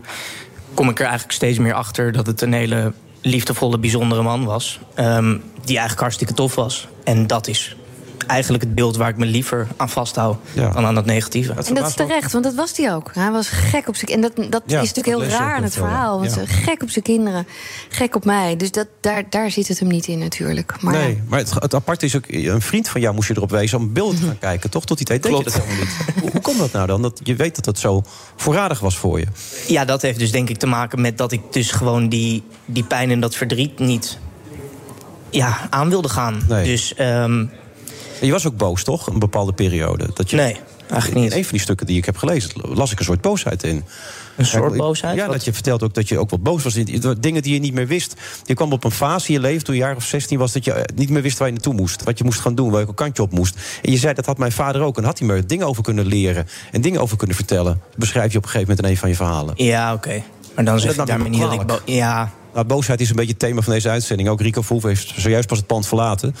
maar gelukkig hoop ik een beetje rustig. Volgens mij staat hij nog op de gang. eh. Oh, oké, zij is nog bezig. Maar ehm, dat was geen boosheid. Nee, nou, het is misschien een bepaalde manier van boosheid. Maar ik bedoel, dat is, lijkt me ook wel logisch. De, de enige persoon die me dat soort dingen kan vertellen en die me daarbij kan helpen, is er niet meer. Ja, maar vertelt dat is niet wel. mijn schuld. Je bloot Dus ook minder, lees ik in het een van die verhalen. Omdat hij op een gegeven moment gezegd had... ik hoop niet dat hij later veel gaat blowen. Ja, dat is ook. Ja, ja. Ja, ik heb het niet geschreven, Nee, dat klopt. dus ik- lees nee, je, dat, hebt, dus- je hebt gelijk. Je hebt gelijk. Nee, dat is. eh, ja, klopt. En heeft u nog meer geleerd in die dingen die je terug hebt gezien dan? Dingen geleerd. Ehm, Ja, dat is natuurlijk Ja, lastig. Ik snap ja. dat je denkt, eh, Nou ja, geleerd... omdat je er nu zo mee bezig bent Ja. geweest... kan ik me voorstellen dat, dat je dingen hebt opgepakt. Denk je, oh, dat hij zo Nou, dat was natuurlijk nu passen. niet zozeer, maar je had het wel inderdaad dat je zei met, toen, toen je met het boek bezig was. Dat je zei, ja, wat je net zei volgens mij al van. Ik, ik lijk dus waarschijnlijk veel meer op hem dan ik dacht. Ja, Dat ik had ook heel het veel idee dingen dat het een soort superheld was... die vanaf eh, zijn middelbare schooltijd tot aan het eind van zijn leven... een soort pad bewandelde wat alleen maar omhoog ging... en steeds beter wa- eh, werd. Alleen maar succes in het werk wat hij deed. Eh, Iedereen vond hem fantastisch. En ik kwam er eigenlijk achter dat hij net zo zoekende was... en onzeker als dat ik soms kan zijn. Dus ja, ehm, dat soort dingen ben ik achtergekomen. En eh, ja, wat ik net al zei, hoe een leuke vader het eigenlijk was. En ik denk dat wij nu steeds meer toekomen aan verhalen. Want als ik verhalen had, dan wilde hij niet luisteren. Nee? Dus als Nee. ik nu zeg van, je bent net zo eigenwijs als je vader... weet ik dat ik het kan zeggen. En ik heb ook een beetje geleerd in die jaren... daar rekening mee te houden. Want ik zag natuurlijk zijn... eh, het afdrijven van, hè, ik wil dat niet. Daar heb ik respect voor gehad. Goede keuze of niet, weet ik niet. Maar dat heb ik gedaan. En ik dacht, ja, ik laat hem zijn pad bewandelen. Het heeft Ja, tijd gekost. En ik sta er nu Ja, steeds, heeft tijd gekost. steeds meer voor open. Ja. Dus ik denk eerder dat al dat soort nieuwe inzichten en dingetjes die ik van mijn vader heb, of die hij mij indirect geleerd heeft, dat dat nu pas echt gaat komen. Maar dat ken, Want ken je daar toch? hier nooit 14 jaar heb jij over je boek gedaan, toch? Ja. Uiteindelijk, toch? Ja. Wauw. Wauw. Ehm, maar ik zat nu meer met bewondering naar je te luisteren, omdat. ehm, ik, ik weet niet hoe het is om het een kind te zijn van twee bekende Nederlanders. En, Nee, weet ik eh, ook niet. Met zo'n. eh, eh, dat, dat, dat het overlijden Ik van weet een ook van niet hoe het is om het niet te zijn. Nee, daarom. Maar dus, dus jij wordt sowieso gedwongen tot een publieke dimensie van je verdriet, weet je wel. En eh, ik kan me heel goed voorstellen dat je daar een tijd niet aan wil. Eh, en als je daar dan wel een vorm van vindt, in, nu in twee boeken, dan is dat toch ook weer anders dan eh, hoe ik het heb gedaan. Want eh, nou, ik ben geen kind van bekende Nederlanders en het is een roman. Dus ik kan altijd nog zeggen. Ik heb een constructie gemaakt omdat ik iets wil vertellen over de wereld zoals ik hem ken. wil er geen dagboek van maken. Ik wil er geen dagboek van maken. En eh, wij gooien vrij intieme details over het overlijden van iemands eh, ouder over tafel. Die zijn ook in het publieke domein, eh, Maar jouw neem ik boek daar komt zo dicht bij de werkelijkheid dat het eigenlijk net zo... Nou, dat, je hoopt dat het literair zo overtuigend is dat mensen dat voelen. Maar je kan altijd nog zeggen, ja, maar Wilfred, het is wel een roman. Dus, dus niet om nu stroop aan de mond te smeren. Maar ik, ik, ik bewonder dat... Ik, ik vind het best wel dapper als je op eh, live radio eh, je eh, openstelt om het te hebben over iets wat... eh, ik denk, en nu spreek ik voor mezelf en niet namens eh, iemand anders... eh, elke dag kun je nieuwe teleurstelling voelen over de manier waarop je ouders hun rol niet hebben ingevuld. Mhm. Geen verantwoordelijkheid hebben gehad. Geen verantwoordelijkheid. Ja. En dat is niet altijd een verwijt, maar het kan zijn als je twijfelt over wat moet ik met mijn leven gaan doen. Dat kan zijn op je verjaardag, als je het gewoon gezellig zou vinden als. Mhm. Nou, dat is een heel rauw verdriet waarvan ik niet weet of je het kunt verwerken. Maar je kunt misschien wel integreren in je leven en er wat mee doen. Eh, nou, en dan is eh, de verantwoordelijkheid voelen die ik heel lief vind om mensen die met hetzelfde zitten eh, dat gesprek gaande te houden en elkaar verder te helpen. Is dan denk ik een bewonderenswaardige invulling eh, van dat. eh, van omgaan met dat verdriet. Ja, wat jij ook gedaan hebt trouwens. Want je zegt al, als zijn er maar twee mensen in dit land die in het boek iets kunnen hebben... om steun te vinden in een situatie van geweld thuis... dan heeft het ook al nut gehad. Dus in zekere zin doe jij het ook een klein beetje wat, wat zijn groot aan Ja, zijn. ja ik, ik, geloof dat, eh, de, eh, ik geloof dat ook echt. Het is geen valse bescheidenheid. Ook als ik op een middelbare school ben of in een werkgroep met studenten. Als er één of twee mensen iets meekrijgen van waar je het over hebt. dan is mijn dag in principe al eh, geslaagd. En ik geloof dat als je fictie maakt of verhalen of speelfilm schrijft zoals ik doe.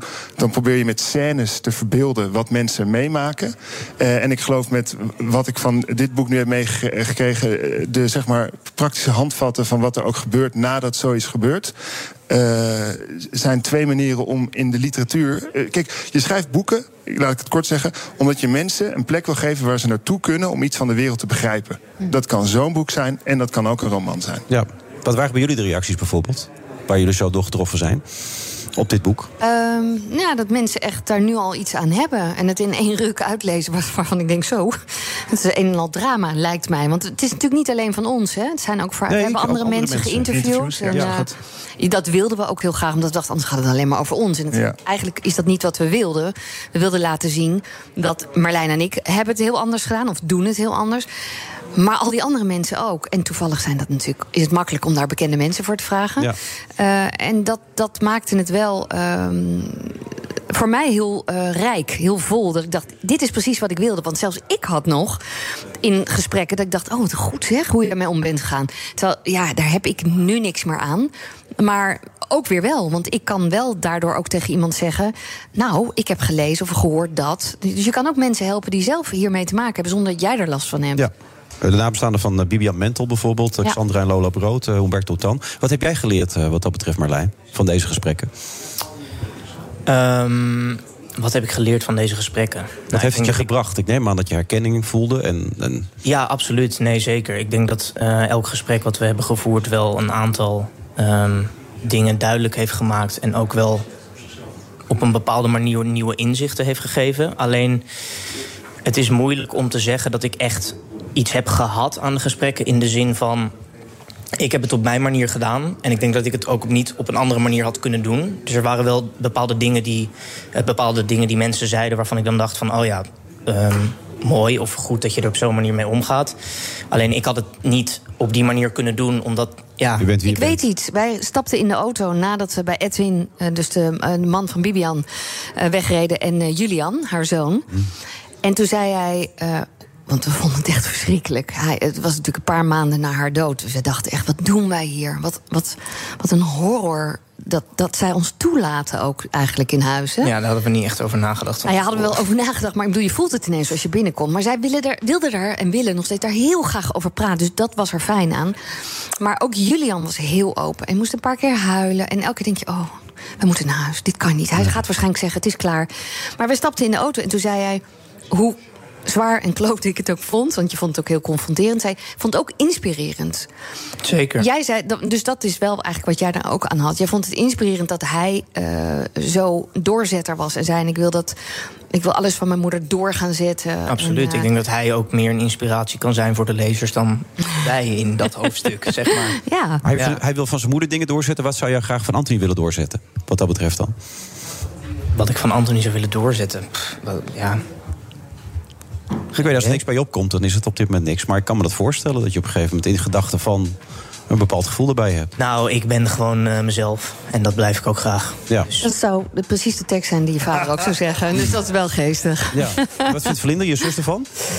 Ehm, ja, die vindt het heel bijzonder. Maar ik denk ook dat zij eh, misschien af en toe zoiets heeft van... oh, moet dat nou allemaal weer? zo Ja, maar ze, buiten? ze, en, ze, we vindt, ze is wel trots. Ze is wel zeker, trots ze is heel op trots. ons. Ja. Ja, en ze Ja. vindt jou heel lief. Elke keer in dingetjes, dan doen wij een interview en zegt... oh, doet Marlijn het goed, hè, man? Ja, ja. Lief en levenslustig. zeker. Ja. Wil het nou een beetje lukken met die relaties? Want als ik dit zo lees allemaal, Lisa, dan is het hopeloos, toch? Dat staat er, hè? Ja. Ja, nee. dat heb je het opgeschreven, dus. Nee, dat weet ik. Ja. Ehm, ja, dat kan elke dag veranderen. hè. Je Dat weet waar, het nooit. Ja.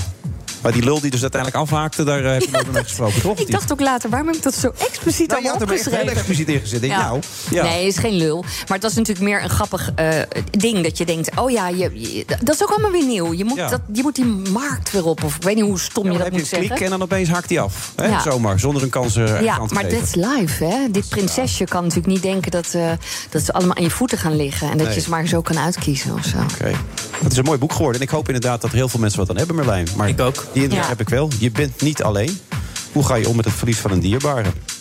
Heftig lijkt me toch om een boek te schrijven. Probeer me gewoon even iets voor te Nee, dus ik merk heel erg dat, en dat voel ik nu ook weer, eh, de clichés zijn altijd waar. Maar ja, hoe kun je die nou zo verwoorden dat het niet zo cliché klinkt? Maar het is heel kwetsbaar, een boek Ja. schrijven. En eh, als je mensen ontmoet die het in één ruk hebben uitgelezen, dan hebben ze 300 bladzijden voorsprongen op jou. Weten ze van alles van jou en jij weet niks van hen. Ja. Dus het is op allerlei vormen heel kwetsbaar. Eh, maar ik, ik sluit me wel aan bij wat Isa zei.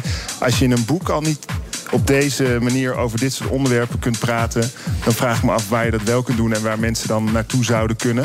Want op Instagram geloof ik niet dat je, dat, je dat gaat vinden. En ik denk ook dat het de tijd is. Hè? Er, er is veel meer openheid. Ja, het is ook verschrikkelijke openheid soms. Hmm. Maar daardoor is er ook een tijd om. om ehm, nou, er is ruimte om Ja. over dingen te praten. En ik hou er heel erg van. Ik hou echt van die openheid. Die- dat je kan communiceren Ja. over dingen die. Maar die ruimte is ook complex. Want ik voel dus ook, ik zou het alleen over mijn eigen familie hebben. Er zijn ook familieleden die daar gewoon minder op zitten te Ja, wachten. Die denken van ja, dit hoeft van mij niet in een boek. Nee. En die spanning kan je volgens mij nooit helemaal Nee, want je inlossen. vader en moeder zijn niet zo heel enthousiast over het boek, heb ik de Ik vermoed van niet. Nee, nee, nee. Maar goed, ik heb natuurlijk nog meer familieleden dan mijn vader en mijn moeder. Ja. Dus, dus er zijn ook andere mensen die misschien heel liefdevol in het boek eh, naar voren komen als het personage. Het blijft een roman. Maar die toch denken, ja, dit hoeft van mij niet allemaal eh, tussen twee kaften. Nee, dus wat dat betreft, Dat wat je zegt, eh, bekende Nederlander zijn en iets van jezelf laten merken. En dat ben je natuurlijk ook door deze boeken die je schrijft. Ik ben absoluut geen bekende maar, Nederlander. Nee, maar als je nu ergens komt, kijken mensen je nu wel zo aan. Oh ja, als ze het boek gelezen hebben. Ja, als het boek gelezen hebben. Ja. Isa en Marlijn, bedankt. Graag gedaan. Jullie bedankt. Ook Hugo Reitsma vind je in de BNR-app. Superhandig die BNR-app. Je kunt alle programma's live luisteren, breaking nieuwsmeldingen. Je blijft op de hoogte van het laatste zakelijke nieuws. En je vindt er alle BNR-podcasts, waaronder natuurlijk de belangrijkste, Boeken zijn in de wijk. Download nu de gratis BNR-app en blijf scherp. Friday Move wordt mede mogelijk gemaakt door Europarks en TUI. Blijf scherp. BNR Nieuwsradio. The Friday Move. Putin is now isolated from the world more than he has ever been. Mijn vermoeden is dat ze doodgewoon bezig zijn de elektriciteitsvoorziening in Oekraïne uit te draaien. Het is, het is eh, ja, heel emotioneel. Wilfred Gené. Laatste nieuws over de oorlog in Oekraïne krijgen we uiteraard van Bernard Handelburg.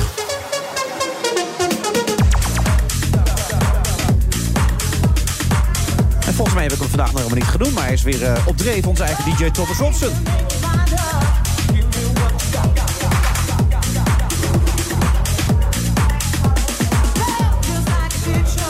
En mijn co-host is nog steeds, en dat is meestal zo als iemand aan het begin van de uitzending er zit, dat hij er ook aan het einde nog zit. Althans in de meeste gevallen, Philip Huff. Dat hopen we dan, dat we het redden. Ja, nooit een zekerheid in mijn geval, maar het had met, met Rico ook anders kunnen aflopen net al. Dat eh, was pittig, was dat geluid. Was op het randje, ja. Ja, ja. hij was boos, hè? Maar niet zozeer op mij in dit geval. Nee, op Aaron. Ja. Maar die jongen hij heeft toch wel, die is goed daar toch in? in, in Aaron, crypto's? als, er- nou, als er één autoriteit is, op, ik weet niet zoveel van, maar als er één autoriteit is op het ge- gebied van cryptomunten, dan is hij het. Oké. Ja, hij weet er echt heel veel van. Ja. Hey, eh, eh, hij heeft in Amerika gewoond. Ga weg. Ja, echt waar. Weet je. En we zaten er net een tijdje over praten. En, eh, hoe vind je de situatie in Amerika op dit moment? Is het daar lekker rustig? Kabbelt het lekker door daar? Of? Dat- vind ik altijd een hele moeilijke vraag. Het antwoord is ja, het kabbelt rustig door. Oh, het kabbelt rustig door. Het, ga- het gaat ook wel goed. De Amerikaanse economie. Toevallig, de, de cijfers van vandaag net... Hm? is dat het, aan de, de- het aantal eh, nieuwe banen is spectaculair gegroeid. Zo, lekker bezig. Ja, beide. dus de inflatie hebben ze ietsje beter in de hand. Ja. Ehm, dus economisch gaat het gewoon redelijk voor de wind. Daar moet je altijd de aantekening bij maken dat in, in Amerika er geen arbeidsrecht staat zoals bij ons. Dus er zijn nog altijd heel veel mensen die tussen de wal en het schip vallen. Maar het gaat best goed. En die had nu de State of the Union, hè, de afgelopen week met eh, Biden. En daar kun je heel goed meten hoe mensen denken. En dan blijkt dat ze over dat hele verhaal over Oekraïne eigenlijk van links en rechts het wel eens zijn. Ja, niks doen. Met hem. Nee, maar dat, dat, gaat, dat is dus ook wel goed voor zijn Ja. Positie, om het zomaar politiek uit te drukken. En voor de rest, ja, inflatie en benzineprijzen en al dat soort dingen.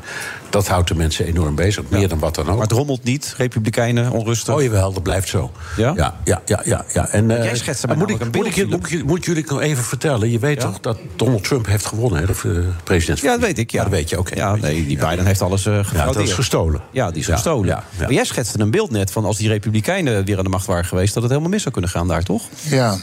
Dat is jouw gevoel, hè, voor de duidelijkheid. Ja. Ja, dus, eh, en ge- gevoel of opvattingen hangen natuurlijk altijd samen met wat is je definitie van of iets goed gaat. Dus je kan een politieke of een economische matrix over een land leggen.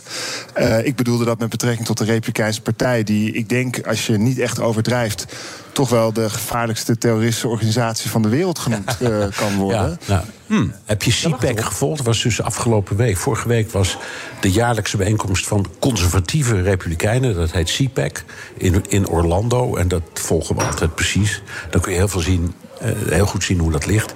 En daar gebeurt toch, vind ik, iets interessants. Ook daar, ook in dat gezelschap, zie je een heleboel mensen denken. Dat Trumpisme zijn we helemaal weg van. Dat willen we eigenlijk ook houden. Maar misschien is hij toch niet de beste om het uit te dragen. Dus is bijvoorbeeld de gouverneur van Florida, DeSantis... die dezelfde denkbeelden heeft als Trump... maar het op een wat beschaafdere en beleefdere manier brengt... die, die stijgt eh, en die staat in de peilingen daar, intern. Maar hoor je net wat hij zei over de republikeinen? Heb je dat gehoord? Wat Ja, ik hoorde wat hij zei. Ja? Nee, maar het, het, ik wou maar zeggen, in in de Republikeinse Partij is die discussie ook bezig nu. Dat verrast mij een beetje, maar je ziet het daar ook een beetje. Dus ik ben er nog niet zo zeker van dat over drie jaar eh, Trump echt de kandidaat is. Is hij toch de grootste terroristische organisatie Ja. ter wereld, zei je toch? Ja. De Republikeinen. Ja. Nou, kijk, ik ben- en ik ben- gelukkig heb ik dat ook niet van mezelf hoor. Dat heb ik van Noam Chomsky, die dan altijd heel interessant en intelligent kan opschrijven waar dat dan aan ligt. Kan je natuurlijk heel simpel kijken naar de afgelopen twintig jaar. hè, De massale ontwrichting van het Midden-Oosten. eh, de totale. eh, de levensverwachting in Amerika is eh, volgens mij voor de derde jaar op rij nu gedaald. Gemiddelde levensverwachting. Dus voor de gemiddelde burger wordt ook niet echt goed gezorgd. er zijn 40 eh, miljoen absolute armoede, mensen die in absolute armoede leven. Maar dat is nooit anders geweest. Het heeft niks met Republikeinen te maken. Nou, dat was onder Obama niet anders. Dat was onder Clinton Nou, ook niet anders. Obama ging aan voor, voor Obamacare, dus wel gezondheidszorg voor iedereen. Zeker en wel, is ook een het heel. project- Het project is niet goed gelukt. Nee, maar ja, dat komt doordat de Republikeinen altijd pootje lichten. En er is, er is ook een boek geschreven over Kansas, misschien heb je het eh, gelezen. eh, dat laat zien dat in de naoorlogsgeschiedenis van Kansas, elke keer als de Republikeinen aan de macht komen. Het slechter gaat met alles. En dat de Democraten dan een tijdje het boel kunnen opruimen. Maar dat maakt niks uit, want Biden staat ook weer heel laag met zijn approval ratings. En dan komt er weer een Republikein die er een, een zootje van maakt. Dus het, het, het lijkt mij geen kwestie van eh, eh, een opvatting, maar een kwestie van. eh, Dit kun je bekijken hoe de Republikeinen, Republikeinen dat land naar de Filistijnen helpen. helemaal zo. Nee, dat vind ik ook. Ik vind het niet helemaal zo. Bovendien, dat is nog wel een stap om te zeggen... het, het gaat politiek of economisch meer of beter of slechter... naar de stap van het is de grootste terroristische organisatie. Dat is nogal wat. zijn wel teksten. Ja. Hebben we wel wat in zo'n programma staan. En, en, en eh, Noam Chomsky- die, die strooit met dat soort eh, wijsheden. Ja. En, eh, Maar, maar, maar als we even kijken, bijvoorbeeld. hebben oorlog zometeen. Ja, Ja. Eh, eh, Een heel si- simpel gegeven. Als je kijkt naar het letterlijke geweld in Amerika tegen mensen die. Arm zijn of zwart zijn of eh, eh, tot een andere minderheidsgroep horen. De vijf jaar dat ik daar woonde, heb ik nog nooit zoiets meegemaakt. Het is echt een land waarbij het ieder voor zich is. En de, de Republikeinse... Bunkerhard, zei die. Bunkerhard. Ja. En de Republikeinse mindset eh, is eigenlijk vergelijkbaar met die van Poetin is een leugentje over het land voeren aan de mensen. Namelijk, we zijn een land, het beste land op aarde, de best werkende democratie. Nou, er is gerrymandering, eh, er is een kiesdistrict, kiesmannenstelsel. Eh, we zijn eh, met de meeste socio-economische mobiliteit. Dat is helemaal niet zo. In Europa is het veel makkelijker om je omhoog te werken dan in Amerika. We zijn het land met eh, God bless us en we zijn zo vredig. Nou, ze beginnen de ene na de andere oorlog. Dus ik, ik denk dat, dat dat knuffelbeleid ook hier die kant op met, met republikeinen, dus bijvoorbeeld met Trump en dan nu een soort zachtaardiger variant op Trump, niet zal, eh, niet, ons niet zal helpen. Sterker nog, je merkt dat het steeds verder opschuift naar eh, een, een wereld waarin het recht van de sterkste geldt. Dus, dus Trump is ook typisch zo'n uiting van eh alfamannengedrag. Maar ja, dit is nog langere tekst dan Bernard normaal gesproken heeft. Dus Oh, sorry. ben- Ik ben, ik ben, meestal, ik ben gekomen? meestal bi- binnen, Ja. binnen een kwartier klaar. Maar dit Ja. is lang. Ja. Nee, ik ben het. eh, Je bent het er niet mee eens? Nee, ik ben het er niet Zullen we toch even in Oekraïne toe dan? Want het is toch Ja, wel vrij acuut en serieus. Hè. Ja, ja, ja, Wat is het ja. laatste nieuws, Nou, er is een, een, een megadiscussie gaande over de verovering van, eh, door de Russen van, een, eh, van de grootste eh, kerncentrale Ja, waar ze gewoon op in Europa. hebben. Hè? Daar hebben ze gewoon op geschoten, toch? Daar hebben ze op geschoten, maar ze hebben niet op die kerncentrale geschoten, maar op een gebouwtje dat ernaast ligt. een maar opleidingsinstituut. Ja, maar met deze Russen die niet echt uh, veel aan de dat weet ik niet. Die goed kerncentrale zelf is gelukkig niet beschadigd. Dus er is verder niks meer aan de hand. En de grote dat je het risico neemt. Precies. Dus de hele wereld valt er overheen en zegt: ja, dit is. eh, Er wordt zelfs gesproken over een oorlogsmisdrijf en zo. De vraag is waarom ze dit doen. Want ze hebben ook in, Waarom in? Tsjernobyl hebben ze dan dat hele trein ook ingenomen. Ik denk om twee redenen: om te intimideren, Hm? vooral in de richting van het Westen. Want dit zit dan heel dicht aan. Als je zo'n nucleaire faciliteit bezit tegen atoombommen. Ik zeg het maar gewoon zo- zoals ik denk dat, het, dat ze denken. Dus intimidatie. En in de tweede plaats, deze centrale voorziet in 20% van de totale elektriciteit in Oekraïne. Dus het kan ook best zijn dat ze bezig zijn met het veroveren van dat soort dingen. En dan het licht uitdraaien. Ik noem maar wat. Hè. Dat is, dat is in, als je puur militair strategisch denkt ook nog niet eens zo gek. Nee, het is nog vrij koud daar nog, begreep ik, rond het vriespunt. Ja, precies. Dus, Dus, eh, nee, maar goed, dan, dan, als dat gebeurt, dan valt alles uit. zo. Dus dan heb je ook geen verbindingen meer. En dat, dat valt dan allemaal weg. Dus dat zou kunnen. Weet ik niet. Daar is alles op gericht. Dan heb je nog een tweede verhaal. Dat is die, die karavaan. Nou, daar hebben we het al, al een week over. al een tijd Die stilstaat, ja. Die er al die tijd stilstaat. En eh, die helemaal. Er zijn nu fotootjes van. Dan kun je zien dat hij helemaal weg is gezakt in de modder. Dus dan denk je ook, jongen, jongen, een stelletje klojo's. Dat ze dat, dat niet beter kunnen doen. Maar dat zien ze zelf ook in. Dus ze zijn nu, maar dat weet ik ook niet helemaal zeker. Er zijn nu berichten dat ze nu de luchtmacht hebben ingezet. Want die hele grote karavaan van 7. Die staat vast. Die staat vast, 67. Kan niet vooruit, kan niet achteruit. Nee. nee. Maar is, zijn- is dit serieus, Bernard? Want we hebben het over een oorlog. hè? Ja, ja, ja. Getrainde maatscha- Ik, manschappen. niets wat ik zeg, weet ik helemaal zeker. Daar hebben we Oh, het eerder over gehad. Ik ga alleen maar af op, op waarschijnlijkheid, op dingen die... eh, nou, je, hebt, je hebt vanavond in je televisieprogramma Geert-Jan Haan. Die houdt dat zeer goed bij, omdat hij heel goed contacten heeft in het land. Die gaat ook zeggen, ze staan vast. Dat denk het wel, ja. ja, ja. ja, En het is een beetje een raadsel wat daar nu is gebeurd. Ze waren slecht voorbereid, ze rijden op de verkeerde banden. Ik bedoel, allerlei Ja. idiootste dingen. Maar Worden zijn- waren weggehaald, dus ze wisten niet waar ze naartoe moesten. ze wisten nee, maar, maar, maar, er zijn dus fotootjes dat je ziet dat die grote legervoertuigen helemaal weg zijn gezakt in de modder. Dus ze denken eh, de Russen, we moeten iets anders. Ehm, en dat is de luchtmacht, want dat is makkelijk. Dan kun je dus ja, veel, veel gemakkelijker toeslaan. Ehm, alleen er is ook een regel in de krijgskunde... dat er heeft nog nooit iemand een oorlog gewonnen alleen maar met de luchtmacht. Je hebt uiteindelijk ook grondtroepen nodig. Ja. Als je wilt, wat- als, eh, als je bijvoorbeeld Kiev wilt innemen... dan moet je het omsingelen. Eh, daar, daar was die karavaan volgens mij ook voor ingezet. En dan moet je het of uitroken, of uithongeren, of eh uitintimideren, maar zoiets. En dat, kunnen ze niet, dat kun je met een luchtmacht niet bereiken. Daar kun je hooguit steeds maar. Maar hoe gaat het nu verder dan? Of heb je er ook geen flauw idee van? Ik, ik weet het niet precies. ehm, Want daarvoor zit je hier. ja, ja, nee, maar er zijn, er zijn twee. Nou, er zijn twee dingen, het niet vind ik nog. Twee dingen, nou oké, maar dan gaan we nu even oplossen. Nee, er zijn, er zijn twee dingen van belang. Ja, wat is hun plan? Dat- Ik, volgens mij weten ze op dit moment ook niet precies. Maar wat, waar ze op uit, op uit zijn, is dat uiteindelijk Zelensky opgeeft. Ja. En zich of overgeeft, of ze kunnen hem verwijderen en, en vervangen door een zetbaas. Dat is zeker beleid. Dat is wat ze, wat ze willen doen. En dan weet ik niet of ze overgaan tot een bezetting, want dat is een ramp. Dat kost goud, geld. En Ja, maar die krijg je die partisanenoorlog toch? En dan die, dat- Ongetwijfeld, dat ongetwijfeld, dat. ongetwijfeld. Het is dan de stelling van Colin Powell, weet je wel. When you break it, you own it. Dus Mhm. dan, dan zit je ermee. Dan heb je, het is een groot stuk, eh, wat de Amerikanen zeggen... het is een big piece of real estate. En dat moet je dan allemaal eh, bewaken en onder controle houden. Dus ik denk niet dat ze die, die kant uit willen... maar wel dat ze de regering wil, willen vervangen. Maar hoe het ook afloopt... Het blijft voor ons buitenland. Dus wij kunnen er niet Ja, veel aan we doen. hebben geconstateerd dat wij niks gaan doen. Hè. We gaan, niets kijken en we gaan helemaal niks doen. gaan er ook niets. Hoe gruwelijk het ook wordt. Hoe gruwelijk ook het wordt, wij gaan niets doen. Nee. Dit zijn een Russische vrachtvader of een oorlogsschip tegen een, een Turkse boot aanvaart. Dan hebben we- Ja, dat, is, we dat, dat heet het verdrag van Montreux uit 1936. Dat, is, dat, dat geeft de Turken het recht om de Bosporus Ja. en de Dardanellen te controleren. En die hebben nu, na enige aandringen, heeft Erdogan gezegd... oh jee, oké dan, als er dan een Russisch oorlogsschip komt... dan eh, stuur ik een Turks oorlogsschip. schip. Maar dan krijg je een confrontatie. Maar Philip heeft gezegd, zelfs als ze Est- Estland binnenvallen gaan we ook niks doen. Nee, daar geloof ik niks van. Maar ze gaan Estland. En waarom zouden ze Estland binnenvallen? Ja, dat is, nee. Moldavië wil die Nee, ook al hebben, zeg ik, eh, Moldavië wil, dat is wat anders. En, ja. en Georgië is ook wat anders. Ja. Eh, al die, die staten die om. De, de oude Sovjet-staten die eromheen liggen. Die nog niet bij. Nee, die willen ze graag weer terug vanwege als buffer. En eh, help even mijn geschiedenis. De Baltische Staten hoorden niet bij de Sovjet-Unie. Nee, dat, dat is heel interessant.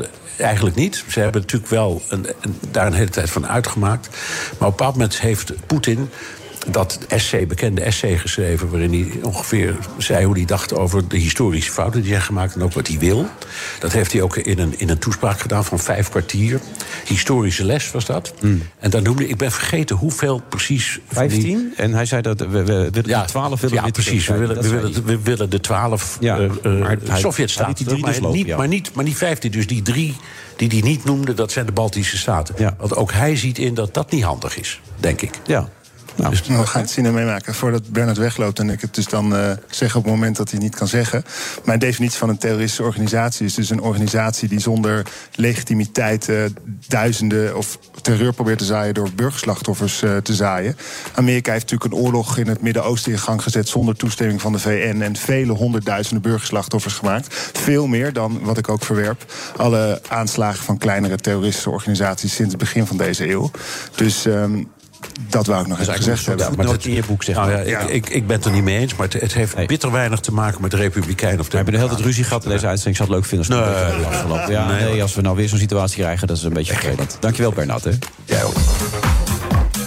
Ik ben Ook Bas van Werven vind je in de BNR-app. Ja, je kunt live naar mij en Iwan luisteren tijdens de ochtendspits. Je krijgt een melding van Breaking News. En niet alleen onze podcast Ochtendnieuws, maar alle BNR-podcasts vind je in de app. Download nu de gratis BNR-app en blijf scherp. 3. Het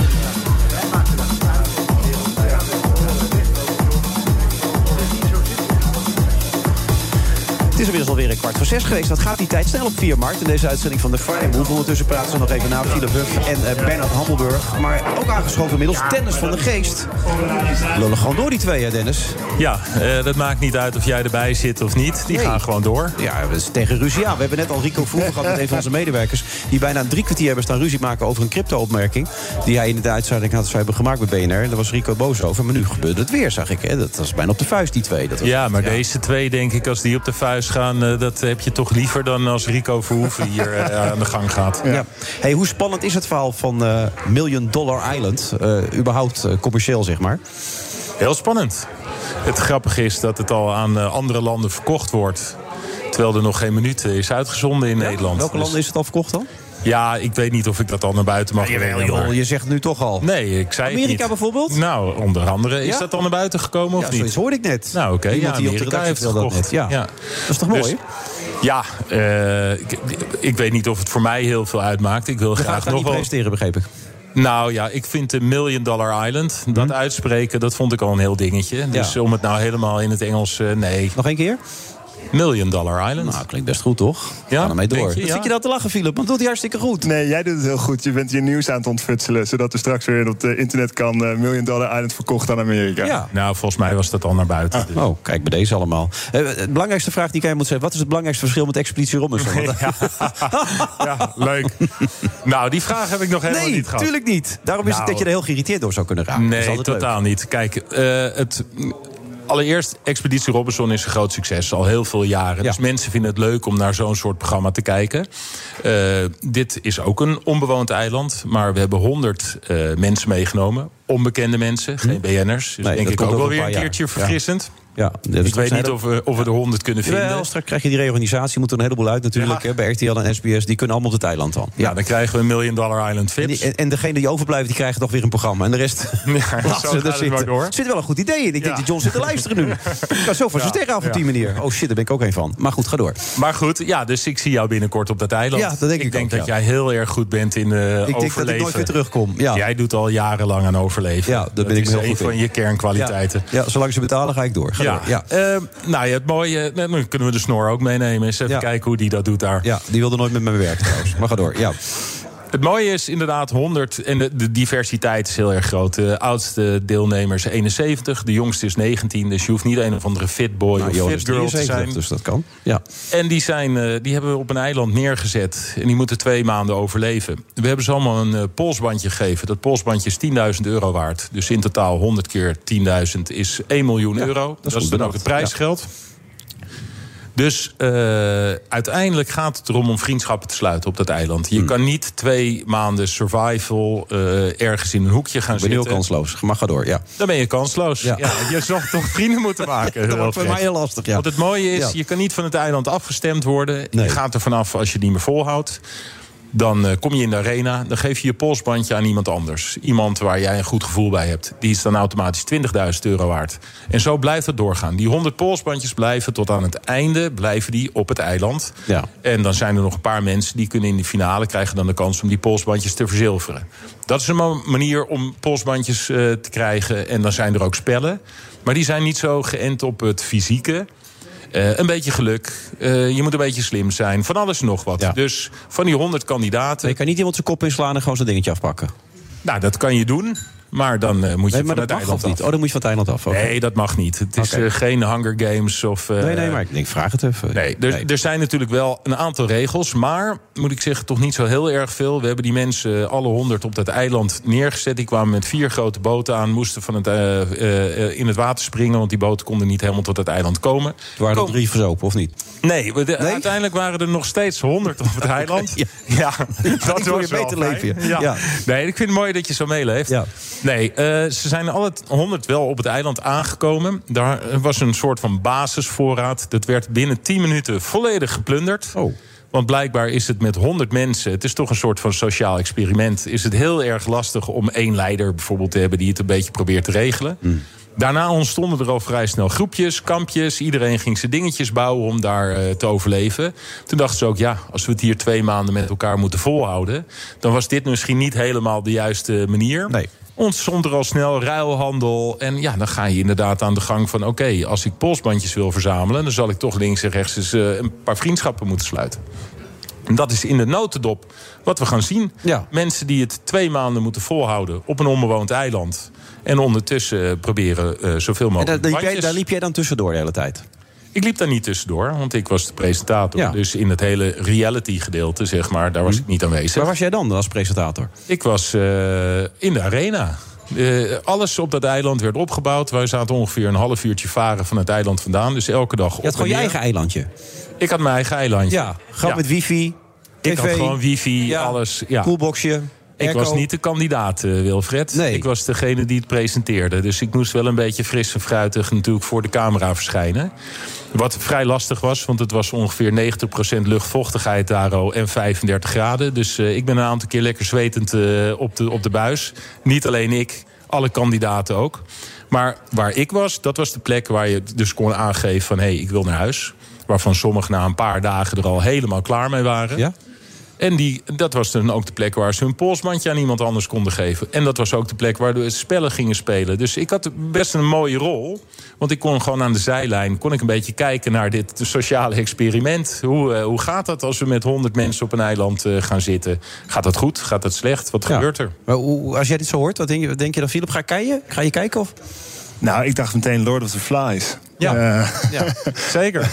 maar eh, daar mogen ze de ene regel die jullie wel hadden, eh, wel. Namelijk, eh, daar, daar hebben ze wel geweld. Nou, ik, ik moest al heel erg lachen om wat- de eerste observatie. Dus als je 100 mensen op een eiland zet... eh, en je geeft ze een bevoorraad ze met een... of ze hebben een depot met voorraad... wordt het dus direct geplunderd. Toen moest ik meteen denken, nou, misschien deugen de meeste mensen toch niet. Nee, ik zat aan het boek van berichtman Ja, ook ja. te denken. nou ja, dat eh, heb ik natuurlijk, eh, want dat had ik meegenomen. Dat vond ik leuk om het daar ook te lezen. Lord of the voor. Flies is natuurlijk ook wel een, eh, een boek met een vrij negatief zelfbeeld van de maatschappij. En als je straks zondag de eerste aflevering kijkt, denk je, komt dat allemaal nog wel goed? Uiteindelijk zie je dat mensen toch wel. Handel drijven. Handel drijven en, en ja, toch wel iets minder slecht zijn dan dat we met z'n allen denken. Want de meeste kandidaten die ik gesproken heb, ook die vrij snel van het eiland af zijn gegaan. Wat best wel lastig is, want dat is best wel confronterend voor jezelf. Als je denkt dat je kan survivalen en je komt er na een dag of vijf achter. Hadden die helemaal niet geoefend of zo? Die hadden zich helemaal niet voorbereid. Die Iedereen heeft zich op een bepaalde manier voorbereid. Maar hoe ga je je voorbereiden? Ja. Nee, je kan de omstandigheden Ik natuurlijk begreep niet... dat eh, Twan van Peperstraat toen een paar dagen in een bos is gaan liggen... eh, toen die expeditie Robinson deed. Ja. En die ging er als eerste uit. Ja, dus nou ja, dat is dan toch duidelijk. Ja, dan is. ja, Maar de hoofd van Twan hij door iedereen weggestemd werd. Alleen daarom zou ik al niet meedoen. Dat hij zo enorm zijn best heeft gedaan. Een paar dagen in het, eh, in het bos gelegen. Ja. Nee, iedereen heeft een eh, eigen manier van eh, voorbereiden. Iedereen heeft ook zijn eigen drijfveer om daar mee te doen. Dan kan je zeggen dat gaat om het geld. Maar er zijn honderd kandidaten. Dus de kans dat je dat geld gaat winnen... is misschien als een soort van kers op de taart. Voor de meeste mensen die tijd vandaan eigenlijk... om daar zo lang weg te kunnen blijven? Ja, eh, hoe graag wil je zo'n avontuur aan? Nou, dat kan ik je vertellen. Die mensen komen allemaal uit de cultuursector. Die bestaat nou Ja. niet meer. Nee. Dus die hebben Ja, allemaal ruimschoots tijd om mee te Ja. doen in dit programma. We hadden honderd culturele mensen. mee. Ja. Nee hoor, er waren ook een hele hoop mensen die hier bewust eh, tijd voor vrij hebben gemaakt om eh, zo'n avontuur te beleven. Want ja, kijken waar wij nu zitten. Iedereen zit op zijn telefoontje tegenwoordig. Iedereen is eh, druk met van alles en nog wat. Daar word je opeens echt even op jezelf eh, ja, eh, gewezen. Hoe, hoe, hoe ga jij op zo'n eiland surviven? Hoe ga je in zo'n groep met wildvreemde mensen? Hoe gedraag je? Ja, Dus zou ik wel ook zeggen, want wij hadden dat MeToo-schandaal. Heb je dat ook meegemaakt daar op het eiland of viel het mee? Nee, geen MeToo-schandalen. Nee? gelukkig niet. Nee. En die vraag die is me natuurlijk ook wel een paar keer gesteld. We hebben gewoon mensen natuurlijk, eh, security op dat eiland. Het wordt natuurlijk allemaal goed in de gaten gehouden. Het is ook eh, open, dat eiland. Dus eh, tuurlijk, er gebeurt van alles en nog wat. Maar het zou toch ook wel een beetje terug worden als we nu met elk programma, een nieuw programma dat er is, dat we eerst dat moeten uitleggen. Eh, ja, misschien zijn er ook wel gewoon programma's waar dat sowieso Ja, maar niet ja, speelt. het is warm, je hebt niks te doen. Ik bedoel, hè, dat... eh, ja, Weinig te eten, Wilfred. Ja, dan, verd- dan verdwijnt een hele hoop van je lusten verdwijnt vrij snel hoor. Wanneer- als je gewoon een kokosnoot. Wat moet dit programma scoren om, om, om succesvol te zijn? Wan- wa- Wanneer zijn ze tevreden, denk jij? Geen idee. Nee? Nee, ik heb geen idee. Ik, eh, ik zou het niet weten wat er bij de zender. eh, ja, ik zeg altijd als mensen. Half tien zondagavond. Ja. Dat is een mooie tijd. Ik vind het zeker een mooie Programma's die op half tien zitten, scoren over het algemeen goed bij Ja. SBS. Nou ja, eh, Normaal gesproken dan. Ja. Ja. Nou ja, zeker weten, maar dat is dan door de week natuurlijk. Maar goed, Je moest er even dat nadenken. Dat is toch binnenkort ook, want het gaat naar half acht natuurlijk. Oh ja, dat, als dat zou kunnen, heel graag trouwens. Nee, dat weet jij al lang. Nou, oh, als dat zou kunnen, als dat naar half acht mag, heel graag. Want dan ben je Dan lekker ik- eerder thuis. Ik kom half negen thuis. Ja. Ja, Kan ik nog eens met Nee, mijn gezin uit eten radio gaan doen, s Ja, oh, dan kan ik weer radio gaan doen Ja. ook, ja. Nee, maar, even, zat er even wel- serieus. Binnenkort zit jij weer om half acht dat Nee, te joh, doen? Johnny doet het hartstikke goed, toch? Begrijp ik. Ja, nou, dat is nog helemaal. Dus heb je helemaal. Nee. Er is nog niks over. Nee. Niemand die dat Nee, zei van jou. Dion kwam daarmee in de uitzending. Die nam, noemde dat als optie. En Dus ik weet zeiden jullie dat het een goed idee Ja, was? vonden het een heel goed idee. Vond je dat niet een klein beetje aan de stoelpootjes eh, zagen van eh, Johnny? Nou, hij kan toch op half tien gezitten? Kan je het programma Ja. toch half tien noemen? Het allerbeste programma Half wat je kan kijken tien. om half tien is gewoon Million Dollar Island. Ja. Dat is aanstaande zondag, de eerste er aflevering. Want ik hoor wel- de muziek alweer opkomen. Is dit nou echt de onze alle eigen tijd- DJ Thomas Robson. alle tijd die ik gekregen heb? Ja, maar je hebt toch het hele programma uitgelegd? Ja. Wat wil je er nog meer over vertellen Nou, dan? jij vroeg hoeveel kijkers. Ik hoop Ja. 17 miljoen. Ja. Ja. Is maar dat misschien... ben je eh, met 600.000, 700.000 tevreden? Nou, nee, daar ben ik niet tevreden. Nee? Maar- Miljoen? Nou ja, een miljoen als je... Ja, dat zou wel natuurlijk heel erg mooi Eerste keer zeker. Iedereen wil kijken. Million Dollar Island Ja. en dan een miljoen Het kijkers. is gelijk een vechtpartij aan het begin, al die, die, die spullen. Bij deze getekend. Ja, maar eh, als je meer, wat wil je nog kwijt dan? Over dat, dat je- Nee, helemaal niet. Ik heb ik het hartstikke mooi kunnen uitleggen, Wilfred. Ik hoop dat jij ook gaat kijken. Half tien. Krijg ik dan Ja, half tien. Ja, wat, je dan heb, je, heb je wat anders te doen dan? Wil je een appje hebben of zo dan? Wat Ga ik je, mij dan, ga je mij appen? Ja, dat zou ik leuk vinden. Maar ik heb je nummer niet, Dennis. Eh, ik hebt even mijn nummer wel, Oh, heb ik je nummer? Oh, Ja, oké. Wij hebben wel vaker, toch? Nee, ik zal. Ik krijg gewoon om half elf krijg ik van jou Ja? wat je ervan vond. Ik kan het er ook terugkijken op de dag Nee, om half elf krijg ik van Ik jou horen eigenlijk lekker de volgende bed altijd op zondagavond. Normaal gesproken ben ik altijd vrij laat thuis en zo. Dus, eh, Ja. ja. Zondagavond half tien, SBS 6. Miljoen... Jij moet het zeggen. Million Dollar Island. Fantastisch, dankjewel Dennis. Ook Liesbeth Staats vind je in de BNR-app. Ja, heel handig. Luister live naar Kees en mij tijdens de Daily Move. Dan blijf je ook gelijk op de hoogte van breaking news en het laatste zakelijke nieuws. En daar vind je ook alle BNR-podcasts, waaronder de Perestrooikast. Download nu de gratis BNR-app en blijf scherp. De Friday Move wordt mede mogelijk gemaakt door Europarks en TUI. Blijf scherp. Blijf scherp. BNR Nieuwsradio. The Friday De Move. situatie in Oekraïne is natuurlijk verschrikkelijk. De Russische agressie is totaal ongekend. He thought the West and NATO wouldn't respond, but Putin was wrong. Waar in Amsterdam wil D66 de gevluchte Oekraïners opvangen?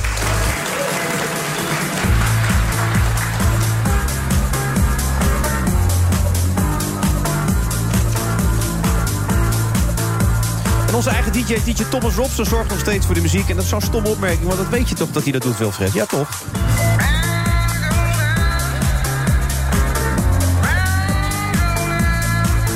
Alhoewel ik deze niet ken. Die is nieuw. Het is een nieuw nummer, dit. Ja, hij gaat echt helemaal op de experimentele tour vandaag, DJ Thomas Robson. En daar houden wij van. Wat je van bloed eh, weet. Dat is je boek, eh, je nieuwe boek. Het klinkt zo stom, je nieuwe boek, je nieuwe roman. Ehm, een tijdje geleden had ik Harm Edens hier. En die had ook een boek geschreven. Dat ging ook over zijn jeugd. En eh, nou, dat zijn ouders hem niet helemaal begrepen. En dat hij wel eens uit het raam hing en riep hij... Zijn dit wel mijn ouders en eh, kan iemand mij begrijpen? En toen, toen zei ik tegen hem in dat interview... Ja, eh, so what, weet je wel. Hoezo? Wat maakt mij dit nou uit? Iedereen heeft wel iets met zijn ouders. Toen werd hij heel boos. En zei hij, ja, maar dit is een heel bijzonder verhaal. Wanneer is het moment daar dat je denkt... van dit verhaal is zo belangrijk om te vertellen... nu ga ik het opschrijven. Wat is dat? Ehm, nou, kijk, ik denk dat ik gewoon veroordeeld ben tot wat ik wel kan en vooral wat ik allemaal niet kan. Eh, en ik schrijf. Dat is Ja. wat ik doe. Eh, en ik probeer te schrijven over dingen waar ik verstand van heb. Zodat als ik erover schrijf, mensen in ieder geval niet kunnen zeggen: Nou, daar klopt helemaal niks van. En waar ik de meeste ervaring mee heb, is mijn eigen leven.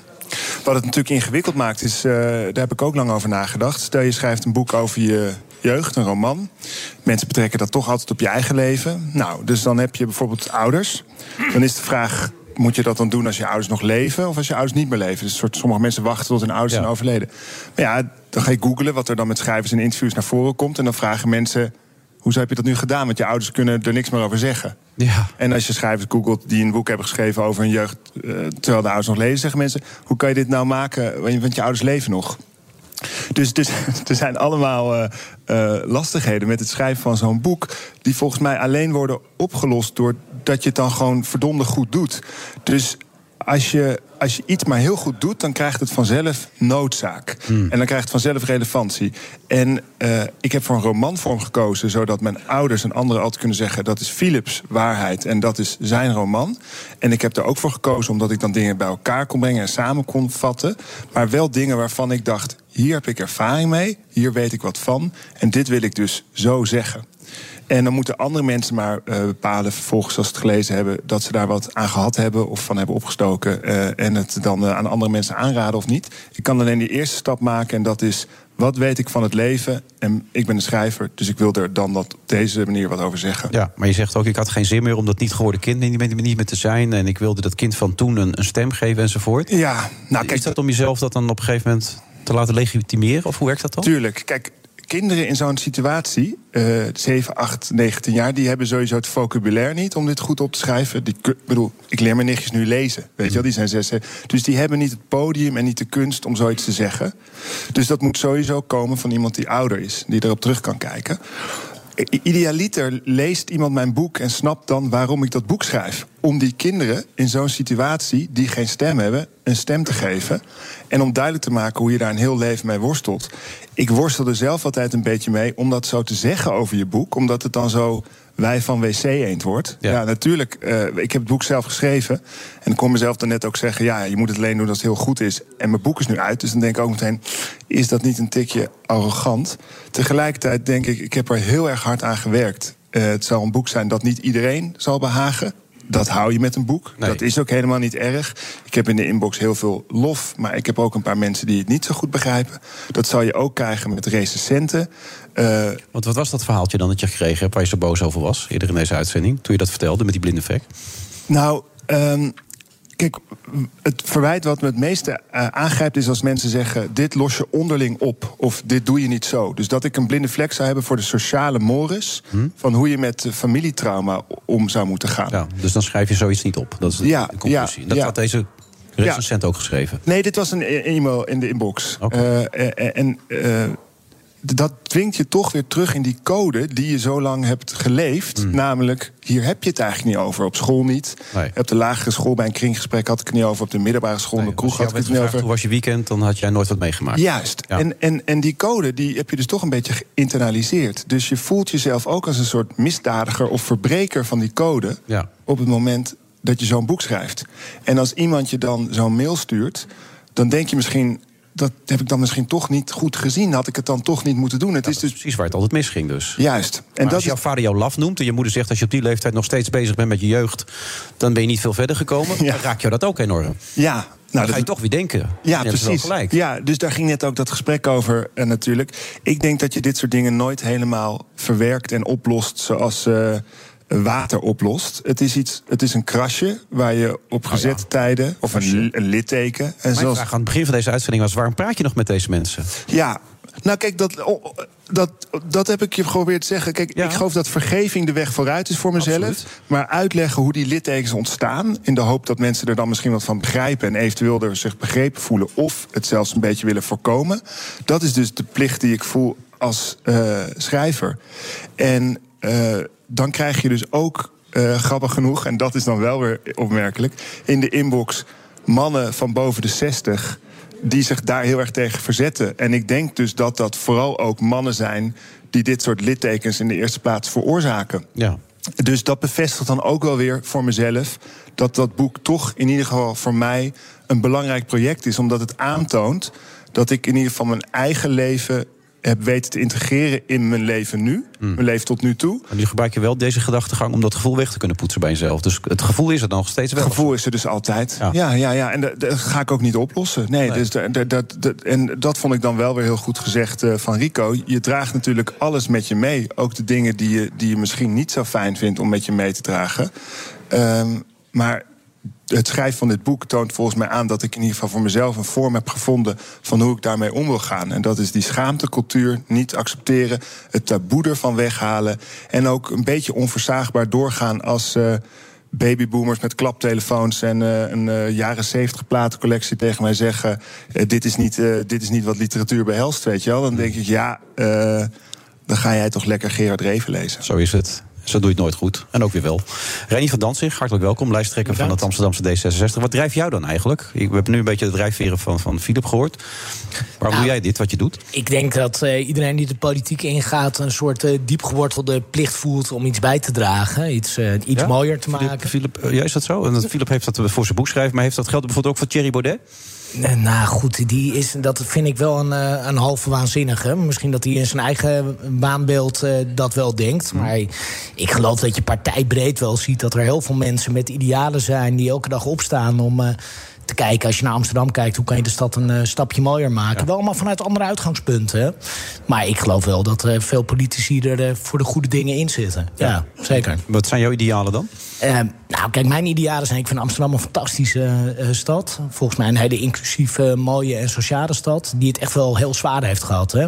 Ik ben zelf horeca-ondernemer, dus ik weet eh, hoe zwaar ZZP'ers... culturele Nou ja, instellingen... dat heb je, die bestaat niet meer, hè? De hele cultuur. Die is, nou, ja, die is klaar. nou ja, daarom. Maar dat is natuurlijk eh, verschrikkelijk. Dus volgens mij is het eerste ideaal op de korte termijn... eh, zorgen dat je Amsterdam er weer bovenop helpt. Zorgen dat het licht weer aangaat en dat eh, de theaters weer vol zijn. En op wat langere termijn eh, zitten we in een wooncrisis, een kanscrisis, een klimaatcrisis. En ik wil eh, heel graag eh, mijn zoontje, die nu 2,5 is, over tien jaar recht kunnen aankijken en zeggen: Papa zat aan de knoppen en die heeft geprobeerd het beter te maken. Geprobeerd de klimaatcrisis op te lossen. Zorgen dat het makkelijker is om een Maar je huis doet te het voor die vinden. jongen van 2,5, dus daar doe je het eigenlijk voor. Nou ja, dat is wel mijn meest intrinsieke motivatie, denk ik. Dus Ja. je pakt je verantwoordelijkheid, waar we het nu hebben, over, hebben gehad. Hoe klinkt dat goed dan? Geloof je dit? Ja, nou, kijk, het lastige van een, deze vraag stellen aan een politicus is dat het een beetje de wij van wc eend wordt. Ja. Maar ik, ik ga er maar vanuit als mensen in de politiek zitten en zeker eh, in, eh, aan de kant van het spectrum waarbij je bezig bent met de kansen voor iedereen en niet alleen met de ge- zeg maar, genot van jouw stemmers, dan denk ik dat daar iets van een intrinsieke motivatie achter moet liggen. Eh, anders deed je het wel voor jezelf en zat je dus meer aan die kant. Nou ja, dat, eh, dat denk ik ook. Kijk, gemeenteraadslid is, ondanks dat ik niet wil klagen hoor... want het is een van de mooiste banen die je kan hebben. Het is een parttime eh, baan, je moet er altijd naast werken. Je bent vaak tot laat aan het vergaderen... en het is best heel vaak heel ingewikkeld. Dus ja, je kan het volgens mij alleen maar doen... als je een, echte ambitie hebt om te zorgen dat Wat brengt morgen dan als je zo laat thuis komt? Met wat voor gevoel kom je thuis dan? Nou ja, dat je, dat je iets verbeterd hebt in de stad. En lukt dat elke dag? Nou ja, ik, op mijn beste dagen wel. Het, gaat, het zit ook wel eens tegen. Heb ook wel eens maren uit mijn hoofd getrokken. Zeker in het begin van de pandemie. Dat je denkt, nou ja, hoe gaan we hier nog met elkaar uitkomen? Ja. Maar het feit dat je mensen kan helpen, ehm, de weg kan wijzen in de gemeente... en kan strijden voor gelijke kansen voor iedereen... ja, dat is toch eh, fantastisch om je bed voor uit te komen. Ja. Of heel laat voor naar bed te gaan, Ja, trouwens. vaak wel het laatste, toch? Het is wel heel vaak dat laatste. ja. Ja. En dan nog een klein drankje erbij, toch? Eh, nou, ik ben ook wel blij dat dat weer kan. Want eh, onderdeel van politiek is toch samenwerken. We hebben met D66, eh, ben ik er vast van overtuigd... wij de grootste partij van Amsterdam gaan worden. Maar straks vierde, begrijp ik toch, uit de peiling? Of, en, en wij hebben in de afgelopen peilingen van Maurice de Hond... stonden wij eh, vier aan kop met zo'n 16% van de stemmen. Dus het ziet er goed uit. Maar ik moet wel zeggen, 16 maart zijn de verkiezingen. Dat betekent dat politici er al heel lang mee bezig zijn. Eh, maar de meeste mensen... eh, op straat eh, beginnen nu pas na te denken. En eh, zeker deze campagne, terwijl er een verschrikkelijke oorlog is in Oekraïne, is natuurlijk, ja, dan staat het toch ook allemaal wat terughoudend op Bij een puntje. D66 opeens als partij ook op de barricades gaat. Defensie moet meer geld naartoe enzovoort. Ja, dat is landelijk, dat weet ik wel. Maar toch? Oh, zeker, maar daar waren wij altijd voor. Hè? Want wij hebben de, in de defensie-investeringen, ook in het vorige kabinet, echt gezorgd voor meer geld voor defensie. Een fantastische minister, de defensie. Dus ik denk dat. Fantastische minister. Ja, dat vind ik wel, ja. Wacht even, hebben we hebben we het over dezelfde nu of niet? Ja, nou ja, ik, ben haar, ik, ik Ja? ken, ik ken haar. Eh, Longren, ja. Ik ken haar persoonlijk, ik heb met haar eh, samengewerkt. Dat is echt een, eh, een vrouw, she talks no bullshit. En dat is denk ik in zo'n oorlog en een, en een crisis heel belangrijk. En ze weet bovendien hoe je kan zorgen dat de organisatie goed draait. En dat is nodig, hè, want ik maak me echt wel zorgen om de uitholling van Defensie. Ja, met talks no bullshit, maar dat is dan een kwaliteit om te functioneren als minister van Defensie. Dat is belangrijk. Nou, ik denk dat dat he- heel belangrijk is sowieso in de politiek. Dat je, dat je straight bent, dat je zegt wat wel kan en wat niet. En tegelijkertijd moeten we echt wel weer zorgen dat Defensie eh, van Nederland, maar ook van Europa, zijn bijdrage levert. Nou, ik heb daar best wel veel vertrouwen in, Keizer Olongen. Ja, jij ook? Ik ben niet genoeg eh, ingevoerd in de materie om daar een, eh, Om daar een antwoord op te geven. inspraak- uitspraak over te Keer doen. terug naar Amsterdam. Waar ga je op stemmen eigenlijk hier in Amsterdam? Ehm, ik weet niet of het een publieke zaak dient als ik zeg waar ik op stem. Want ik roer me nog Dat vind je eens- belangrijk. Ik roer me nog wel eens in de kranten. Maar aan de andere kant kan je ook uitspreken. Eh, Ik heb de laatste keer landelijk gestemd op eh Sylvana Simons. Onder andere door haar werk in de gemeenteraad hier in Amsterdam. Oh. Dat is wel opmerkelijk, toch? Dat, het, eh, dat is toch wel bijzonder. Toch, nou, het is niet zo heel veel gebeurd, bedoel ik. Eén zetel, dus het is... Ja, dus, dus, dus wat ik er heel blij mee dat ik op haar gestemd had. Want dan heb je het gevoel dat je iemand net een beetje aan die zetel helpt. Ja. En als ik ook weer zie eh, hoe ze Wat, zich deed, wat deed zij goed dan? Wat, wat maakte haar er zo goed dan? Nou, wat ik, dat kunnen we illustreren aan. eh ze was laatst bij Buitenhof. Zat ze aan tafel met Joris Luijendijk en Twan Huis gezien, en eh Nelly Kroes. En dan vind ik daar. Waarbij dat niemand het boek had gelezen, maar... Ja, Ja. lekker was dat. Ja. Eh, vond ik een vrij grote productionele fout van het programma. Dat je gaat praten over een, eh, een boek en niemand het kent. Maar daar straalt ze uit eh, wat ik vind dat belangrijk is in de politiek. Namelijk, ze draagt rustig en coherent een wereldbeeld uit. Waarbij ze eh, de overheid duidelijk wil inzetten als iemand die pech voor mensen dempt en geluk een beetje spreidt. Ze laat zich zelden provoceren. zelden laat zich provoceren.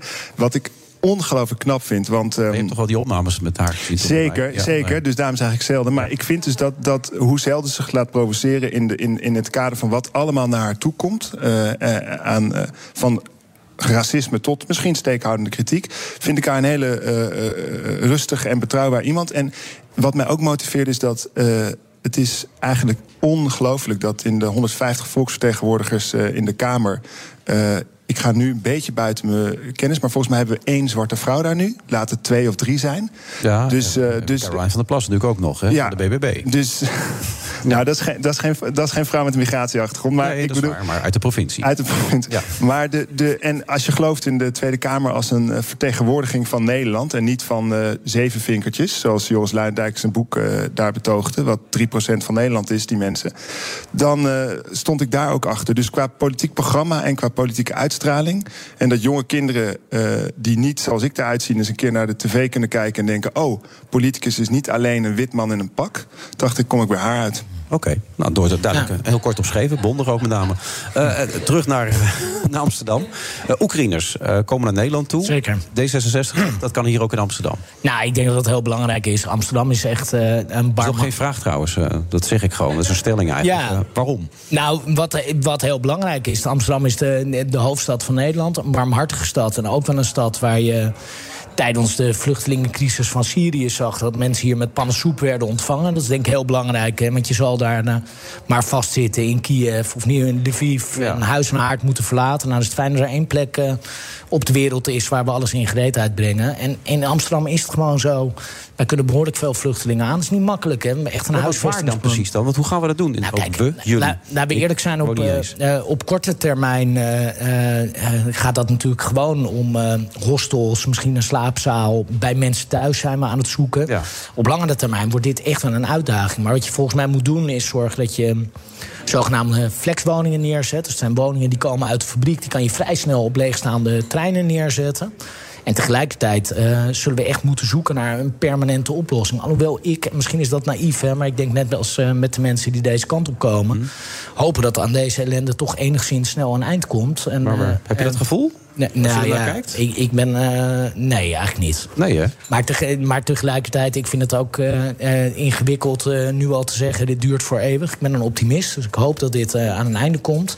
Maar als Oekraïners hier eh, eh, willen vluchten, willen schuilen... En, en op termijn ook een bijdrage willen leveren... dan heel, heel graag. Ja. We hebben in Amsterdam natuurlijk ook gewoon eh, eh, mensen nodig eh, voor de stad. We hebben ook genoeg werk. Dus wij kunnen dat heel erg, heel erg aan. En het is bovendien ook gewoon onze plicht.